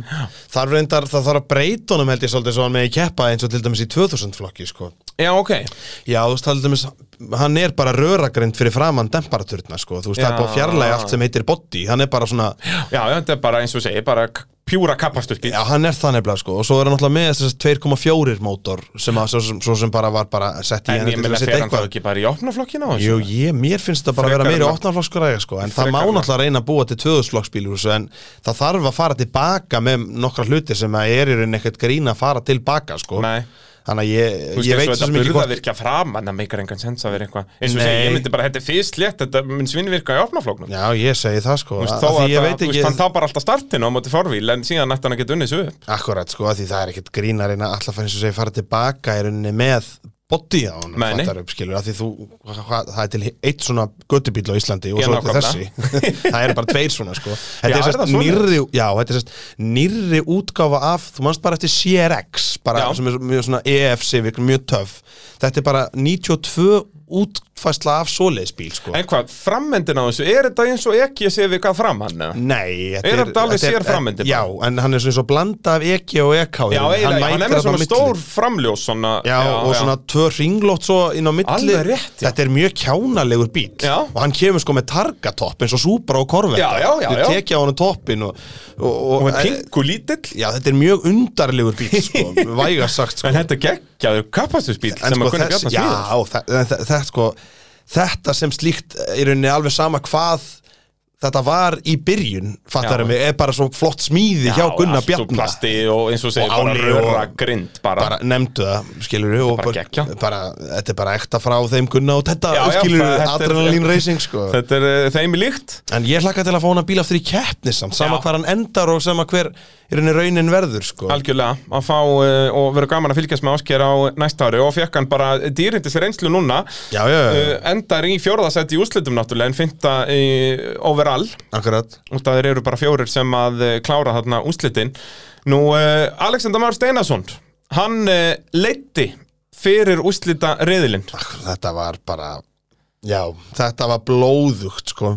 Og líka synd að missa hún úr slagnum sko. Akkurat, það, eins og segja, hann var í, í góðum málum hann með 112 stig uh, í fyrsta sendi fyrir úrslitin. Alveg grátlegt, svo bara ég Og svo spjallaði ég spjallaði eins við alla sko að spura hvað hann hvað hefði gengið á? Og bara 5 sekundum áður en að flaggi kom eða áður en að ljósin fór að stað þá bara drapa hann á sér. Já, ok. Tók ekkert við sér. Og þeir hafa ekki hugmyndu hvað er að já, bara, hann bara grunur, Ok. hann bara keirir út á ráslinu allt í góðu, svo bara allt í hennu bara byrjar hann eitthvað svona drönd, drönd, drönd, byrjar hann eitthvað að gangi illa og hann svona alltaf að fara að þennja hann til að fá hann upp þá bara um leið og hann snerti gjöfun, hann bara dreipur hann á sér og Já. bara ekki, og svo bara startar hann og startar og startar. Og þegar að ljósin eru þá er hann að starta alveg á fullu en bílinn tekur ekkert við sér sko. Ok. Alveg bara glata sko Já. og já, sem sagt ég, hann saði mér svona að það er rauninni, það þarf sennilega að skipta um stýri í honum og, og svona eftir þetta. Já, já, ef þú horfir á streymið og kannski reynir að zooma þá er hann alveg brjálaður inn í bílnum sko, sem ég skil rosalega og vel þetta er glata, hann leiðir. Svo bara allt í hennu bara bílinn bara nei, ég er farin helgafrí. Já, bara, þetta er agalegt alveg, þú ert að fara í vetrafrí klárum þetta. Þetta er, og synd og skom, hann náttúrulega dettur þá núr fyrsta seti niður í fjórða, þú veist, eins og segja, þetta þetta hafði allt. Við vorum með bara geggjaðan kappakstur, endalesta drama, fullt af tilþrifum, þetta var alveg Já, þú dásamlegt. ímyndaði svona stórt svona billboard sem sýnir hver er hvaða sæti skilur Þetta er stanslust Já, að breytast. Alveg Ja, endalust kemur, þegar það kemur risaskjár hann upp að braut, þá verður þetta svo leis. Nákvæmlega. Uh, Smári með kynstri endar í þriðja sæti og hann var bara í topp slagnum hann að setna þetta, en hann vinnur fyrsta riðil. Já, ústu, hann svona Hann síndi það svona fyrri daginn bara, á, hann er, bara Já, síndi já. okkur bara okkar smárærunni, góður keirari og bara svona bara virkilega ekkert minnstakur en svo setni daginn þar gjössamlega síndi hann það í Já. þessum ógeðslega aðstæðum hvað hann er geggjaður að keira sko. og engin klúður eða neitt og bara jæri sinna alveg á limitinu sko. Og náttúrulega Smári fyrri daginn kom mér á óvart út af því ég held að hann væri þú veist, í hollinu fyrir neðan í rauninni að hann væri að berjast bara við pusjóun og fókusin og möstuna, skilur Þar sem hann á að vera. Já, já, en Smári var alltaf hann bara í fjórða í rauninu og ekki beint eitthvað í einhver einskismannslandi Nei, milli, hann var, bara bara að berja, já, ég segi það, þú veist, þá voru yfirleitt á undan honum Akkurat. en hann var bara í slagnum. Og svo eins og segir 1300 í, í veðrinu að þá, þú veist, jafnast aflmunurinn út og Akkurat. þá kom Smári líka bara og vann fyrsta riðilinn bara virkilega vel gert sko en það, það eru búin að sína innkar frá þeim riðli sko Já. það er alveg ekki að heyra alveg bara þú veist þvílíku fagnaðar open þegar hann klárar og vinnur Já. riðlin sko ég skil mjög vel Já, bara þetta er geggjað. grjóthart að vinna svona riðil á 1300 jaris 1300 Jaris, bara óbreytum Jaris já ég meina þú ert bara á Pizza Hut útgáfinni af, já. þú veist, af pizzaspílnum Þú skilur veist, vissulega er hann búinn að létta hann allan, það er plast Já, já, út um þú allt veist, og bara, þetta er geggjaður kappastu Já, spíl en, það sko. breytir því ekki að þú veist, Hann er ekki með saman hann er með saumavél. Já, já, það er nákvæmlega það svo smíðaði fyrir þannig flokk. Já, já, en þessi bíl væri reyndar að gengja þér í 2000 flokk ef þú myndir setja eitthvað bara tvekja litra kram í þetta. Já þetta er alveg bara já, ég, Og það hann er allur smíðaður eins og segið, þú veist, það geggja veltubúr í honum, allur úr plasti. Já, ég veit að bara, þá ertu komin basically bara með nýri útgáða bílum hans Palla Páls, skilur þú svona sko. Það er að svona Já, svona, það er að og svona hot, hot hats mótorar, skilur Tvekja nákvæmlega. litra enna 150-200 hestöfl sem myndi væri geggjaði svona léttum bíl. Já. Uh, Smári McKinstry endar þarna í þriðja sæti. Í öðru sæti Kristoffer Danielsson sem að í rauninni Já, kastaði frá sér nokkuð örugum titli Já, í þriðja riðli. ég, Og við náttúrulega, ég hef svo sem ekki ennþá fengið neina útskýringu Nei. En ég, eh, eins og ég, við tölum um í streiminu Ég held að hann hafi bara miskilu og haldið Að sigurflaggi væri búið að koma Já. Og beigði inn í pitt Já, það er það sem og gerist. Hann Ásker ásist- Ingvar beigir á eftir honum. Veist, maður, hann var svona, býtu, maður sá það á honum að því við vorum sjálfur ekki vissir en maður sá það svo vel á pusjónum að því hann var svona hann, Þá eins og þú líka varst að öskra á hann bara hann liggur við heyrði í þér frá grandanum sko. Akkurat, bara- ef þú ert í efa, farðu auka hring, það skiptir einhver máli. Akkurat skilur, bara þú til, að því bara tilfinningin er að segja þeir að halda áfram, gerðu það þá ekki, þú veist, þá ertu bara, þú veist, það er enginn að fara þú veist, henda þér út fyrir að fara óvart auka ringa ef svo væri staðan Já, já. bara ef, ef tilfinningin segir, nei það er ekki búið að flagga, halda áfram Já. að þetta er í annað skipti sem ég verð vitni síðan þessi, sem ég er búin að vera þarna í þessi 12 ár sem ég sé þetta gerast, Já. skilur að því man einu sinni þá bilaði sérst Gunni heitinn, mót út af suðunisum og hann bilar og tekur svona einhvern veginn svona uppeyju á, be- á beinakablanum, þetta sérst braut sem er græð út af suðunisum og það stoppuðu þrýr bílar með honum. Að bara hafa hýtti búið, nei ég er með brotin Já. og bara, uh, veist, ég man að það var eitthvað nýlið sem sigraði að það hýta því og hinn er bara, er og er það grínast? Bara mega auðalegt, sko. Þannig að tilfinningi segir að fara áfram, farðu áfram. Jep, algjörlega, en eins og með Kristó þetta voru bara eitthvað bara fell í honum. Já, ég veist ekki nema að því, mann, að því bílinn keirði hann inn. Já, þú veist, hann var búin að vera í skrölta. vesinni Já, sko, ég veit það. Hann en- hefði þú veist- verið í síðasta sæti Já, eða en hann hann- mjög aftalega En það dögði, þú veist, hann var endaði bara fjórum stigum á eftir vikari, skilur Ég veit það, það Þannig að þetta þú- eru stígin sem hann hefði þurft til þess að sigra þetta mál Hann hefði fyrir síðasta sæti að hann fengið, þú veist, 13 stig eða eitthvað. Það voru það fáið bílar eftir. Akkurat, sko. Þannig að- að verulegur skellur fyrir Kristó sem að var að leiða flokkin í byrjun dags náttúrulega. Alveg bara En glatað, rigningin náttúrulega gerði þetta svo magnað í, í 2000-flokknum út af því að þá var akkurat smári komin í slægin Vikar helt áfram í bastli og ég myndi ég var að horfa útsendingun aftur. Það er magnað að hlusta á okkur sem var alveg rétt. Veist, eftir fyrsta reilunum degi tvö erum við að tala um bara ok, nú er þetta búið hjá Vikari. Já, já, það, er, við- að það var bara tilfinningin. Veist, hann, þarna hafði hann þurft að vinna sig upp á efsturöð sem hann náði ekki í fyrsta reilunum hann, það var annar reilin þennan daginn það. sem hann loksins kemst upp á fremsturöð og svo endar hann á að vinna eins og segja, þetta, þetta mót hafði allt Já, frá fjórðasæti upp í fyrsta, ekki? Já bara, þetta er, þetta er svo stór magna svona á þetta að vera, Ég veit skil, að halda mann á tánum og bara spurningunni verður ekki svarað fyrir í síðasta híti, Ég bara- hver er að fara sko, heim með byggarinn? eins gott að ég var bara með Excel-skjalið að uppfæra þetta as we went og Já, Danna þetta sagði útlendingin grínast. verið svo leiðileg Já, og við höfum verið akkurat. bara hver var að vinna? Já, ég nákvæmlega, sko, ég er alveg sammála því. Hann að Maður fann það rosalega að vera með alltaf svona bara jafn óðum. Já, og þú náttúrulega kom með eða lappið okkar, speedtæð eða hvað þetta heitir. Bóði Andra Jamils Já, Andri Jamil var þarna, hann byrjaði að senda mér alltaf svona screenshot og svo bara, hvað downloadiði bara fokkin appinu, er þið hálfveitar? Tækni eftir gömlu menn. ég hérna með tölvu sem eru svona 20 kíló og var framleitt 1997 Akkurat, mm, ég gott, með snillingasíma sem ég fann í ruslinu. Já. Nú, já, já. Þetta er stórfenglegt. Já, svo var ég hérna í útsendingunni líka í solid bara tíu mínútur að koma upp þessu appi. já, akkurat, Ívar sagði ekki orði í góðar tíu mínútur bara, ég er að niðurhalla hér einhverju appi. Einhverju smáforriti. Hvað er aftur passvordið á e-maili mitt? Já, eitthvað, ertu með e-mail? Já, magnað. Það er samt bara svona fjögur og síðan að ég fór að vera með virt e-mail. Já, nákvæmlega. Léttur ljúra kátur. Hver sendir e-mail? Sendur við bara skilabóð á Facebook, skilur? Já, nákvæmlega, og grjóthaldi kjafti. Akkurat. Uh, Vikar Karl Sigurjónsson uh, Kom sá og segir meistari. Já, Íslands meistarinn sjálfur uh, to- toppaði tímabili með að vinna Redneck titin líka og svona líka á bara eins erfiðan hátt og mögulega hægt er. Já, og með bara, þú veist, endalaus afföll, já. Þú veist, bara, já. og vinnur þetta svo bara í úrslitum. Þetta var bara, semst, hann Kristó er í öðru senda á eftir honum þar. Hefði þetta verið öfugt hefði Kristó verið meistari? Akkurat, sko. Og maður sá líka En maður sá líka vel sem sagt, á, sérstaklega á lögadeginum í þurru að, þú veist, maður sér það greinilega 99 og greinilega búin að, þú veist, eitthvað aðeins að fiffa bílinn hjá honum, Já, skilur, það er já. greinilega búin að taka hann aðeins í gegn. Að þarna fengum við vikarinn sem við þekkjum Já. með þennan hraða, skilur Þetta fyrri dagur var hann bara, fór hann helmingi hraðar. Mm -hmm. Stór og svo bara, og, og, svo bara þegar jókar, allir eru búin að gera upp jókarana þá bara aftur bara, mm, Já, já, bara halda innri línu bara, þetta er ekkert stress. Vikar, það mætti halda hann að við kertin að ringa áður.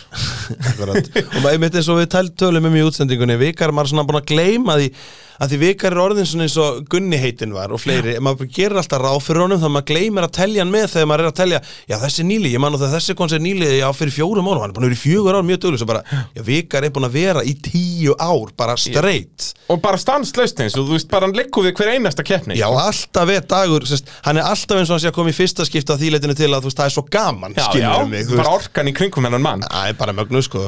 En hann náttúrulega kemur í markarna bara haldarandi í rauninni, bílinn náttúrulega í, í maski eftir hennan uh, hérna, árakstur sem hann lendir í þarna Já. og er bara, sest, var, hvað var það, vinstra framdekkið já, sem var bara kengskakt sko. kengskakt sko. Já, og nær samt að vinna þetta var bara, Sér þetta það, var og stór magna aðfelgan í ykkur í híti og svo mástu í fjórðariðli náttúrulega setni daginn sem er ástæðan fyrir að hann end byrjar náttúrulega aftastur það brýtur hann öxul í bílnum sko. tapar 20 stugum þar en það bara, Þannig gott sérð- ef hann er ekki sá sigurveri, nei hann og Páll Jónsson sko Páll Jónsson vinnur með 142 stig á meðan að Vikar er með 143 en ég held að það séu stigu minnstu Já, stigu minnstu já. sem segir hversu mikið drama var í gangi Já, hvað sem mikil afföll í rauninni voru og svona vesen sko. algjörlega, bara magnað, mögnuð keppni. Það er óvægt að segja Já, það. já, já. Eh, Mótorvarpið í bóði Ólís dásamlegt að fá stórfyrirtækins Ólís af þessum krafti í motorsporti eins og ég hef oft talað um um að gera færin á vinahópur.ólís.is og sækja um Ólís líkilinn, það er alveg frýtt og þá færðu mun ódýrara bensín og náttúrulega fríðindi hjá fullt af fyrirtækjum sem og náttúrulega e, í vestlunum Ólís bæði af mat og, og drikk og, og bílavörum og ég veit ekki hvað og hvað um að gera að eh, næla sér í Ólís líkilinn Nú, þá er það fjórusunum fjórun non-turboflokkurinn þetta, er- þetta er að hafast hjá okkur, Ívar minn. Já, já, já, já, það eru fjórir að tveim kon, nei, fjórir að sex konir. Nákvæmlega, uh, þar sömulegðis var mikið af afföllum. Þar byrjuðu, já þar eru rauninni flest afföll miðað við hversu margir byrjuðu fyrsta riðil Já, já, Og það þeir byrja hvað? Nýju fyrsta já, ég mann því. Og enda á að ræsa fjórir í úslit Já, fimm bílar sem fóru. Já, og uh, já, það er náttúrulega stærsta nafnið datt út strax í fyrsta riðli Íslandsmeistarinn sjálfur Ólafur Tryggvason. Fastur í fyrsta gýr Já og uh, gerir ekki við bílinn hann og endar í bara, já, síðasta sæti í þessum fyrsta reyðli klárar bara í útslætti í fyrsta gýr Já, já, það er nú ekki að hjálpa honum líka hvað þetta er lággýra sko, allir hámasræði í fyrsta gýr hjá honum sé ekki svona 30 Eitthvað svo leiðis bara, eða jafnvel bara vistgatan. Já, eitthvað svo leiði sko. Við vorum einmitt að fýblast með þetta hann að kom einhver mynd af hann að Baldri Arnari og græna súparunum, þú veist það sem að svona, ég skrifaði undir vinstri tveir skera, hann var svo nálat dekkjavögnum, þá kom Óli Tryggva, þetta er nú vinstri þrýbegi á mér, ég skrifaði hann undir, nei, mér sýnist nú að það vera vinstri einn eða hvernig þú veist að kera melkina, eins og flestar þeirra begir hann í breytinni. já, nákvæmlega, en uh, skellur að missa Óla Já, Tryggva já, út. en samt, þú veist, við tölum En samt um geggjað. já, við tölum um þetta svolítið í En þá fengum við átta að bíla sem allir sko. gáttu unnið. Já. Þú veist, með fullri virðingu fyrir Óla Þetta tengist, þú veist, maður ekkert að la- tala nýður til hans Nei, alls ekki, alls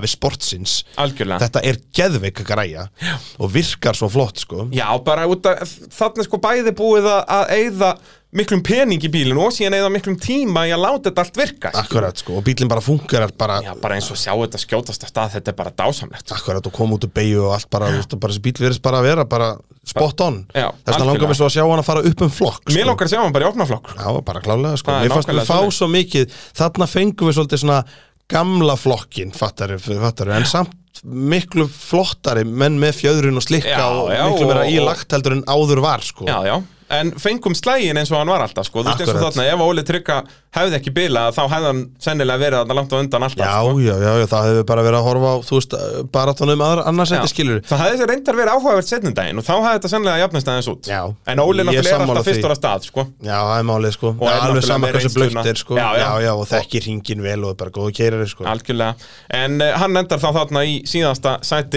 í Svavar Skúli Stefánsson mætti í, er þetta ekki bara hans önnur keppni? Jú, Ég ég held það. Mætti í sömar með bílinn bláan. Bláan, já.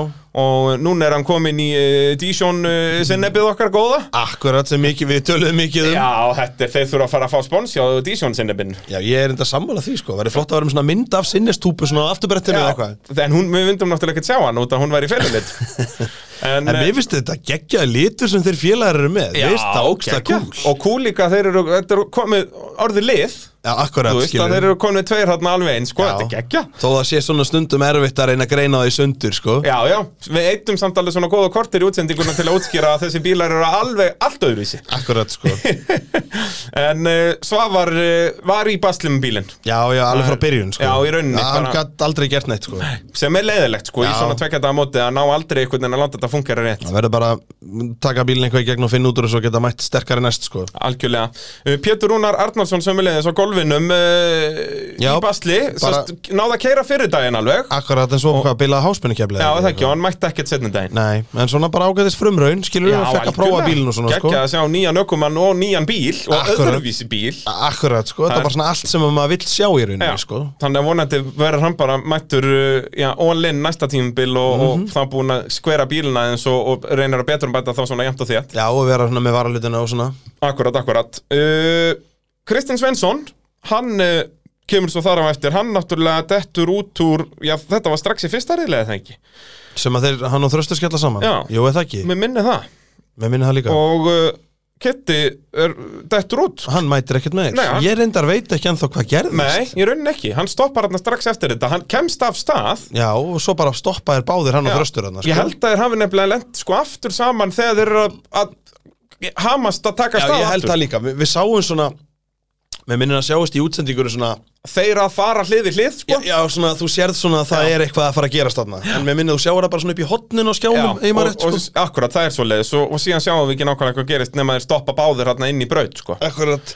Og, og þröstur með bóknarspytnu sem hann næra að gera við og mætir í þriðariðilin, missar á öðrum riðili Já, en Kitty kemur ekkert aftur. Nei Það Ítla bara- bara upp að kerru og það hefur eitthvað komið fyrir sko. greinilega, sko, eitthvað sem maður gátt ekki kæft við á staðnum, sko, en geggja að fá Kitty aftur að keppa, Já, ég er alveg hjartanlega samanlega þar. Það er En hérna ég gekk á keppandi. Ég heldur betur, ég nú að fara að keppa með næstu helgi. Já, heldur betur. Úi! Já, í stóra eins og búið ég Já, er búinn að skýra þetta. nákvæmlega, þetta er svona um leið og, og gummisnori mætir ekki, þá mæta til Já, já, það þetta Já, já, þetta er- það er nákvæmlega svoleiðis. Uh, Kristófur Fannar Axelsson á impressunni uh, hann var í vesenni setnundaginn Já, Dijon 1 Dísson 1, sko. En hann var ól, sko, þegar þetta var í lægi þá var hann alltaf Já. bara í þriðja öðru seti, sko. Já, hann tvísvar að þrísvar vann hann sig þarna upp Þannig að hann sýnir alveg hæfileikana sem hann hefur, sko. Hann, hann Algjörlega, getur og, bí- keyrst. og bílinn farin að virka ágætlega. Akkurat, sko, hann svolítið stífur Já, þurfti að fara að skoða fjörunin eitthvað Já, hvort sem þetta sé stillingarættir eða bara eitthvað þú það stillingarættri Já, og gæti líka bara verið, þú veist, þetta, er, þetta hendar sennilega þegar brautin er bara slétt og Já, góð. Bara reyndar. aðstæður voru svo mikið ógeðslegar, sko Bara og eins það og hann malarkablandir urðu líka þetta var svo mikið hoppiskopp í þessu sko. Akkurat, að sko. þá var þetta veginn nýttar, það er góða punktur. Þegar að held eru það, bara sko. smúð að þá svinvirkar þetta sennilega. Já, ég held það, þú veist, al- þú veist, alveg nóg, fattar þú, þarft ekki að vera með, þú veist, kaupa rækjarfjörum fyrir þrjár miljónir, Nei, fattar þú, auðvitað er það alltaf betra en þú skilur mig, skilur, þú Akkurat. kemst alveg upp með bílinn verður allt annar en orginal sko Þú veist, Já, ég held að þetta sé eitthvað D2 eða eitthvað svo leiðis eða eitthvað, ST kannski ég Það er flott smíðaði bíl hjá honum, Já, geggjaður og hann er náttúrulega svona búin að vera alveg svona barnasjúkdómar með bílinn í, í sumar en Akkurat. það er bara En að þarna- góða fyrir næsta Já, tímabil. þarna síndi bílinn sig Bara hann í nokkrum hítum sko Bara gæti ekki Kristófer, klára það Kristófer síndi það líka alveg á leika sínum í fyrra hann er alveg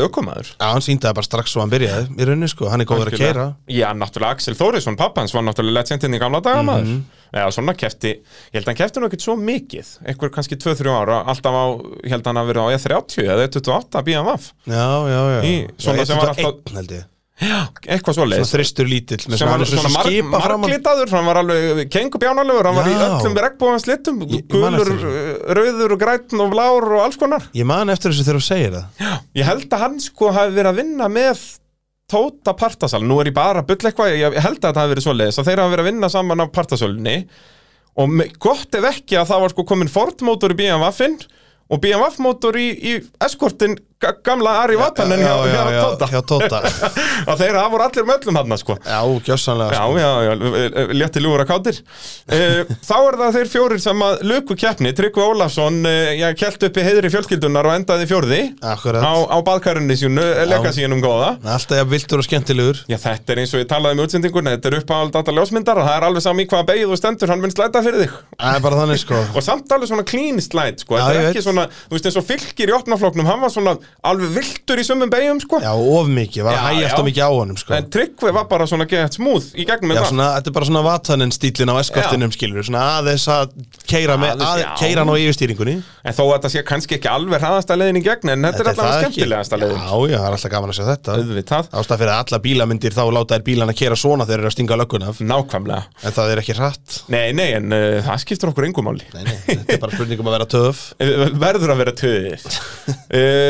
af nákvæmlega En það er ekki hratt Nei, nei, en uh, það skiptir okkur engumáli Nei, nei, þetta er bara spurning um að vera töf Verður að vera töðið uh, Tryggvi náttúrulega var þriðasætti í Íslandsmótinu en var að sætta sig við fjórðasætti hérna en þetta náttúrulega réðist bara í úrslitum því að Þröstur Jarl Sveinsson sem var fjórðasætti í Íslandsmótinu hann náði þriðasættinu í Já, Rötnæknu og bara rétt toppar upp fyrir hann ekki? Jú, þegar bara þeir eru þarna í þriðja og fjórða í úrslitum og þessum eru í þriðja og fjórða í mótinu það þeir voru jafnir fyrir úrslit. Já, þeir tveir, en Þröstur náttúrulega búin að missa af tveimur riðlum hann að setna daginn sko. Já, já, já Þröstur var náttúrulega Sigur, vann alveg einn riðil hann að fyrir daginn. Já, síðansta riðilinn og leit út fyrir að ég hætti að lofaði góðu setni daginn sko, þetta Birgir var náttúrulega búin að vera vinna fyrstu þrjá riðluna, svo kemur Þröstur og vinnu síðasta. Og þá held maður ok, í rigningunni þá jafnast líka bilið á milli bílana og svona Þröstur hérna verður ólsegur núna en uh, það náttúrulega uh, varð ekki úr því bæði náttúrulega þegar þeir klensa saman Þröstur og Kitti að þá er Birgir komin langt á undan. Já, já. Þannig að, að það er svona leit út fyrir að við myndum ekki fá þennan slag. Nei, nei, nei, nei uh, En Svo, þröstur er alveg geggjaður keppandi. Já. Og sérðu þetta líka bara að því græjan bilaði og þá er bara keiftur annar og þú veist, mæta á hann og svo leis og svo bara, getur þú mætlar að mæta á hann svona í rætnakki? Næ, ég verð að taka hann aðeins og, og, og, aðeins að, snurfusa og svo bara, þú veist, bara, já, bílinn bara speil sléttur, bara, þú veist, við erum búin að vera kappast bíl eins og þú þekkir í 10-11 ár. Og gjössanlega tók hann allan í nefi frá að til setta það sem bílinn var flottur. Já, já, ba- og lí- eins og segir, bara eins og nýr gjössanlega geggjaður, sko. Er hann bara er svoleiðis. og svo er hann ölsett til sölu og hann er seldur, svo ég. Já, ég sá það, bara á núleitni, það er eitthvað búin að kaupa hann. Ég veit ekki, veistu hver? eða? Ekki hugmynd, sko. Nei, en það er vonandi að við sjáum hann á næsta ára, það hlýtur að vera. Já, já, já. Uh, Magnús Vatnað Skjaldason, hann var svona spútni kjarnar, fannst mér. Já, það var svona vilda kortið okkar sko. Já, já, og vinnur hann eitt reyðil, vinnur uh, annan reyðilinn á setni degi. Já, það er bara Og- geggjaður. Já, já, og endar í öðru sæti þarna uh, bara með gott fóskot á þröst í þriðasætinu og, og bara synda við sáum hann ekki meir í sumar? Bara hjertalega samanlegaður sko. Það er svolítið svoleiðis, að flottur bíl hjá honum. Já, við höfum alltaf talað um það, hann er í svona, svona einn af okkar svona uppáhald sko. Svona, Já, svona vildur og, og hérna Já, og með flotta út, mætti líka bara strax svona pró, skilur Já, bara virkilega flottur keppandi sko. Flottur, fl- flottur bíl hjá honum. Og svo á hann náttúrulega fullt af veltibúrum hann upp á braut sko, þetta er, þetta er hörku smiður sko. Já, nákvæmlega. Og, og það er nú ekki oft svoleiðis að smiðin eru góðir að keira líka en Magnús er dæmið um það. Akkurat. Það er svolítið svoleiðis. Og endar bæði, í sko. öðru sæti þarna og eftir Birgi Kristjáns. En Birgi er náttúrulega frábær helgi honum. Uh, mætir á galandinum uh, í forvöldar af No Turbo í fyrsta skipti í mörg mörg ár.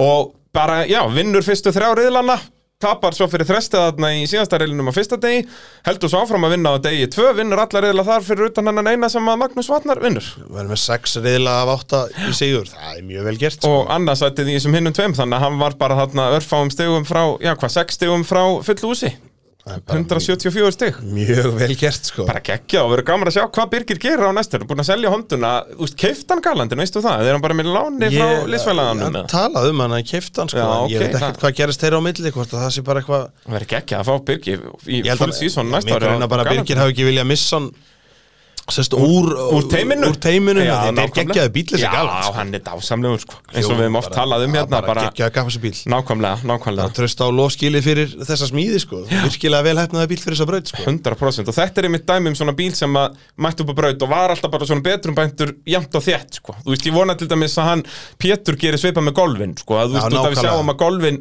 hann er ekki samkynningsæður til að byrja með en svo bara halda áfram að vinna í þessu þú veist Akkurat. ekki gefast upp sko. Akkurat, bara létta þetta eins og þú getur Takta allt, auka- hvert einasta gramm úr honum og bara haltu svo áfram. Og þú veist reyna að finna eitthvað meira power og Bara svo framvegis, trösti gerir skilur, eins og segir, hann mæti fyrst bara ef svo má segja, bara ásæri vonlusu druslu. Já, já, bara því þetta álpaðist í hendunar á honum. Svo Já. byrjar hann bara fíla sportið og byrjar að betra og bæta bílinn og tvöfaldur Íslandsmeistari. Nákvæmlega. grjót harðu bíl sko. Geggjaður. Og Birgir Kristjáns uh, Redneck meistari í 4x4 non-turbo.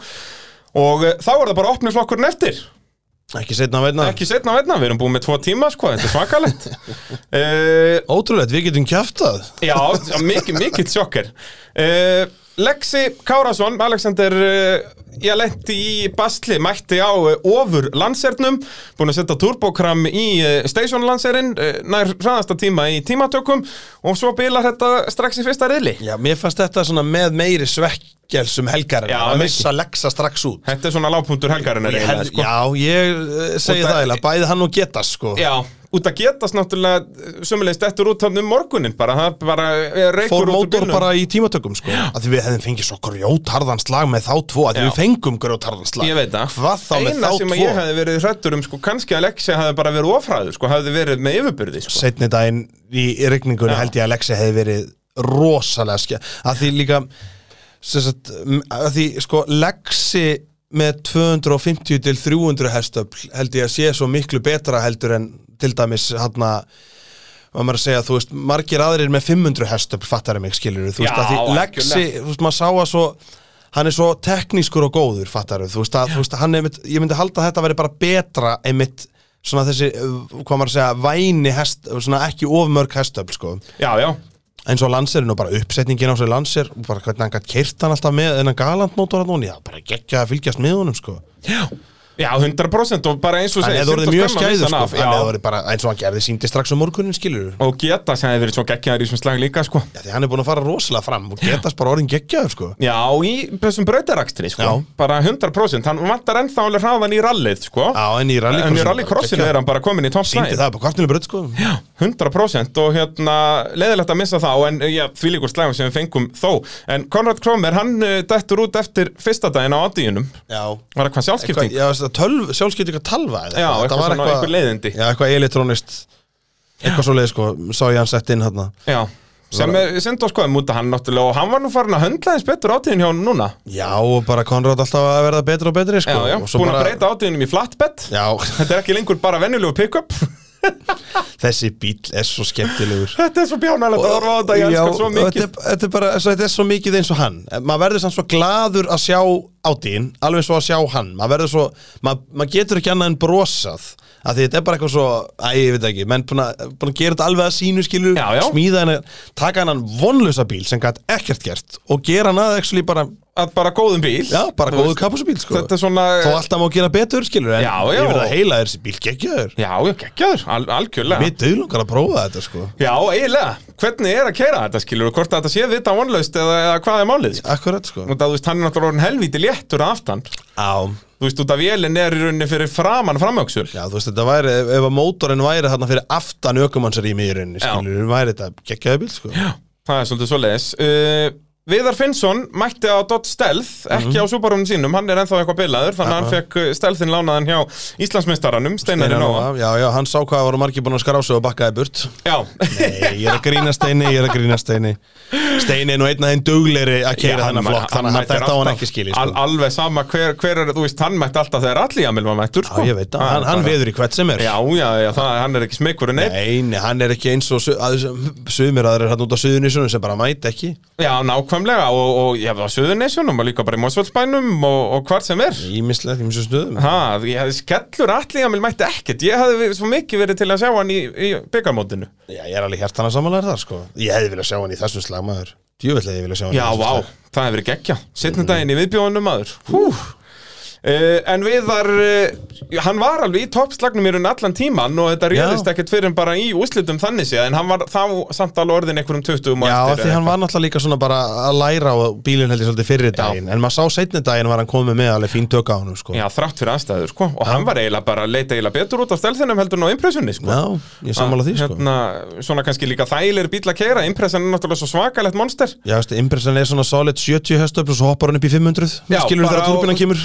monster Já, veistu, Impressan svona solid 70 hestöfl og svo hoppar hann upp í 500 Skilur bara þegar á- turbinan kemur Já, ég segi það, var bara í 4000 túningum og þá bara Þetta er svo mikið bílun eitthvað sko Það er svolítið svoleiðis En Viðar endar hérna í fjórða seti En svo voru þeir þrýr sem voru ja, bara jafnir fyrir úslita riðilinn Það er bara röðin á þeim í úslitum Já, raði þeim upp í, í mótinu. Þetta var ótrúlegur slagur og já, það var Baldur Arnar Hlöðvensson á impressunni, grænu impressunni sem að Birgir á, emitt, mm Mhm. þriði bílinas Birgis uh, Kitti sem við tölum um áðan var á, á hinum bílum hans. Já, uh, Svo var Erlendur Örn Ingvason á, á AMG Bensanum. Akkurat. Uh, J-Lo, uh, okkar kona á vettvangi. J-Lo McLaren. Uh, heldur betur. Og svo er það Fylgir Jónsson á bara rallybílnum. Akkurat. Mætti á, á rallybílnum og er skráður með þess að ég er all núna næsta Já, ég tók eftir því. Hann og Heiða eru skráð saman á já, já, um að gera.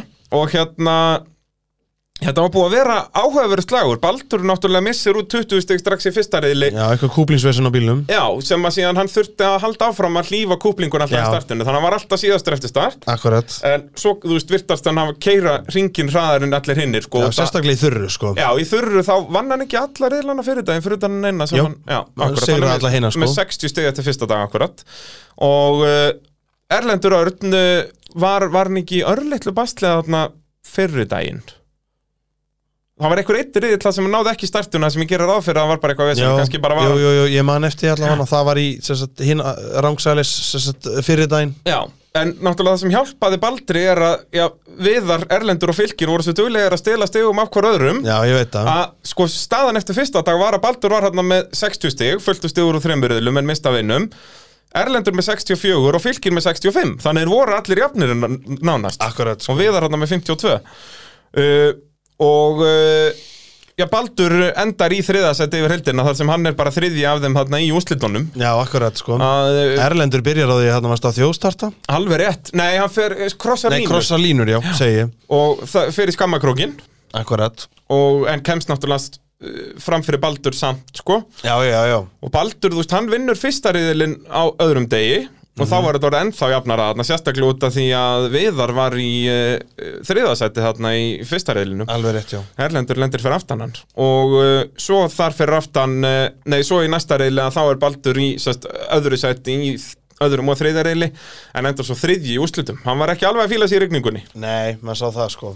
Það er svolítið svoleiðis. Uh, Erlendur Örn Ingvason, yfirleitt fljótastur á stað, en lendir hann í bastli í fyrsta reyðli á öðrum degi, vinnur svo annan reyðilinn, er svo í þriðja sæti í þriðja reyðlinum og öðru sæti í úrslutunum. Svona á þetta að vera Ég sko segi það, bara, það var ekkert gefið þarna. Það var ekkert þetta, já, og það var bara, þú þurfti bara að veðja út í loftið Já. Þú veist, ef þú ætlar að veðja á þetta, skilur já, það var bara- bara, þú varst bara þessi þrýr, einhver af þeim er að fara að vinna En þú Já. veist, það er ómurðið að segja í hvað röð þeir verða Algjörlega, og þú? einskilur, ef áhörfur á síðasta daginn hjá Fylki, þú veist, hann er í öðru sæti, fjórða sæti á eftir viðari í öðrum riðli, svo fyrstur og svo fyrstur. Já, akkurat Þú veist, þetta var sem svona bara- bara, veist, Erlendur hafði klárlega startið alltaf, Já, já. skilur og vanns, vann rosalega á því í rauninni, skilur að því manni fannst hann ekki vera með eins góðan brautarhraða eins og hinnir en, En þanga samt, til að úrslitum kom Já. og, og stóð þriðja, þá vorum við bara, nei, heyrðu, við þurfum að setja sokk upp í okkur Já, já. Því, hann var bara, Hann var bara mættur. akkurat, því, en svo eins og Baldur þú veist, það var alveg geggja að fylgjast með honum í rauninni fyrir daginn, þú veist, hann var alveg geggjaður þá og bara bæði náttúrulega eins og við vitum, geðveikur ökumæður, sko,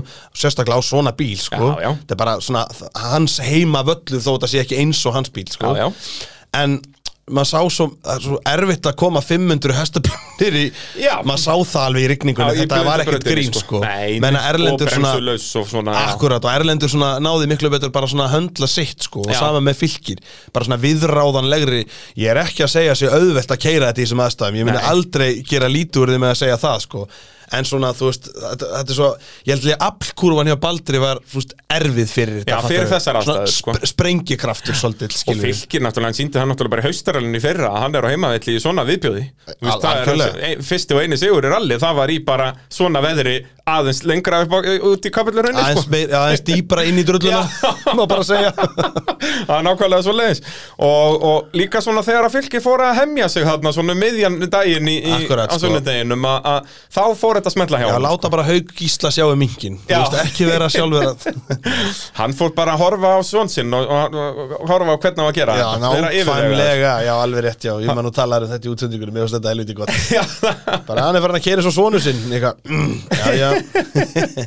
Nei, þetta var, þetta var mjög Þetta var, þetta var, veistu, þessi opnumflokku var bara Geggjaður. Og þetta eru líka allir fjórir sem voru þarna Þeir, þetta er svo, allt svo skemmtilegir karakterar Skilur, Já, allir já. fjórir, sko Og bara, all, svo mismunandi bílar geggjað. keppnismenn, allir, skilur já. Og Erlendur, hann var að sætta sig við uh, annað sætið þarna Það hefði nú verið frábær endur á tímabili að ná retningtillinu En uh, hann, að lokum tapaði fyrir fylki í úslitum Og fylkir Jónsson, koronaði helgina fyrir familíuna Það er svolítið svoleiðis, Svonur hans vinnur Redneck titilin sem stóður all og fylgir vinnur Redneck titilin í opnaflóknum Virkilega vel gert, sko. frábær helgi og, og, og ég ekki bara fyrir já, á fjölskyldu heldur bara fyrir alla. Þetta var Akkurat. frábær rallycrosskeppni Já, bara, þetta var bara Þessi keppni bara, segi ég, held ég sé bara Sú besta frá upphafi. Já. Bara ef þú horfir á heldina veist, bara keppandafjöldi Fólki þarna upp frá, bara rennir í það allt í gegn. Þetta var bara, þetta var hinn fullkomna rallíkurselgi já þú veist eins og við tölum um í útsendingunni setni daginn að þarna fyrir daginn það voru sex veltur með tilherandi töfum og, og vesenni Akkurat, og það veist um 11 mínútur frá dagskrá. 11 mínútur, opniflokkurinn fjórðurinn var búinn að keira 18-11 og bara- það voru skráð keppnislokk 18-0-0 Það er ekki orð til að lýsa þessu. Þetta er bara eins og við tölum um í byrjun Þetta teimi sem er þarna og búið að vera þarna í sumar og sérstaklega bara teimið sem var í rauninni smíðað fyrir þetta mót Já, fattaru, hver með sitt þarna eins og við vorum að tala um Þetta, bara, þetta var bara magna, þetta var bara, maður trúður sér ekki hvað þetta var fljótt að gera Og þetta er eins og við segjum bara, er þetta ekki bara besta rallycross keppni sögunar, hinga til? Jú, ég vil meina það, bara alveg sama hvað þú horfir á í rauninni, skilur, bara því þú veist bara, bara að því þetta var bara, bara, bara allir faktorar smullu, Já. skilur, við vorum með allt, við Algjörlega. fengum rosalega kræfjandi aðstæður, en samt sem áður, veist, það var allt gert í rauninni til þess að reyna að gera þessa keppni erfiða fyrir starfsfólk, Já, já, en það bara tók það verkefni ekkert mál, fattar mig, skilur, það bara veðrið, þú veist, að fjöldi keppanda, fattar það allt að reyna að vinna, en bara ekkert mál, Já. bara, mitt bara 60 bara tók, keppnir, tók þetta kassan, bara ekki málið. gott með 70 næst, 80, og, og alveg bara, svo höfum þá bara hvirvilbil, mér er skýt sama. Akkurat, við tökum þetta. Þetta bara, þetta fólk á svo mikið hróskili sem er í kringum þetta sport og það Algjörlega, bara, það er ekki hægt að hrósa þeim of mikið sko. Akkurat, og það er bara ekki hægt að finna réttu orðin að lýsa þessu Það er bara þeir sem er í kringur rallycrossi og eru búin að vera í svolítinn tíma þeir vita hvað ég er að tala um Nákvæmlega, bara, nákvæmlega. Þessi helgi bara skildi rosalega mikið eftir sig Já. og bara þetta var hinn fullkomni endir á geggjuðu tímabili Já, nákvæmlega, við fengum bara skemmtilegustu rallycross keppni ever eftir skemmtilegasta keppnistímabil ever líku við, sko. Já, þetta er bara búið að vera frábært í rallycrossinu og er bara á leiðin upp á við Það er nú einmitt máli sko. Það er nákvæmlega svoleiðis, uh, þetta var allt saman í bóði Bíljöfurs, Ólís, Bílapuntsins, Tækjaflutninga Norðurlands og AB Varahluta Ívar, já við verðum mættir þá aftur hérna bara næsta vor. Og þó, þá ert þú náttúrulega farin að keppa. Nei, ég ætla að reyna að vera keppandi Já, þannig að þá verð ég að finna mér einhvern annan sérfræðing. Þú verður að finna einhvern annan sérfræðing held ég. Það er svolítið svoleiðis, ég þakka þá bara kærlega fyrir sumarið, Ívar minn. Já, bara takk fyrir allt, þetta er búið að vera æðislegt að vera með þér í þessu og bara takk kærlega fyrir mig sko. Já, og uh, já, við sjáum svo bara í næsta þætti hlustendur góðir. Gott ef það er ekki hundraðasti þáttur motorvarpsins Ég elska að þú segir sjáumst í útvarstætti Já, já, við, ég er, ég er í hjörtum allra.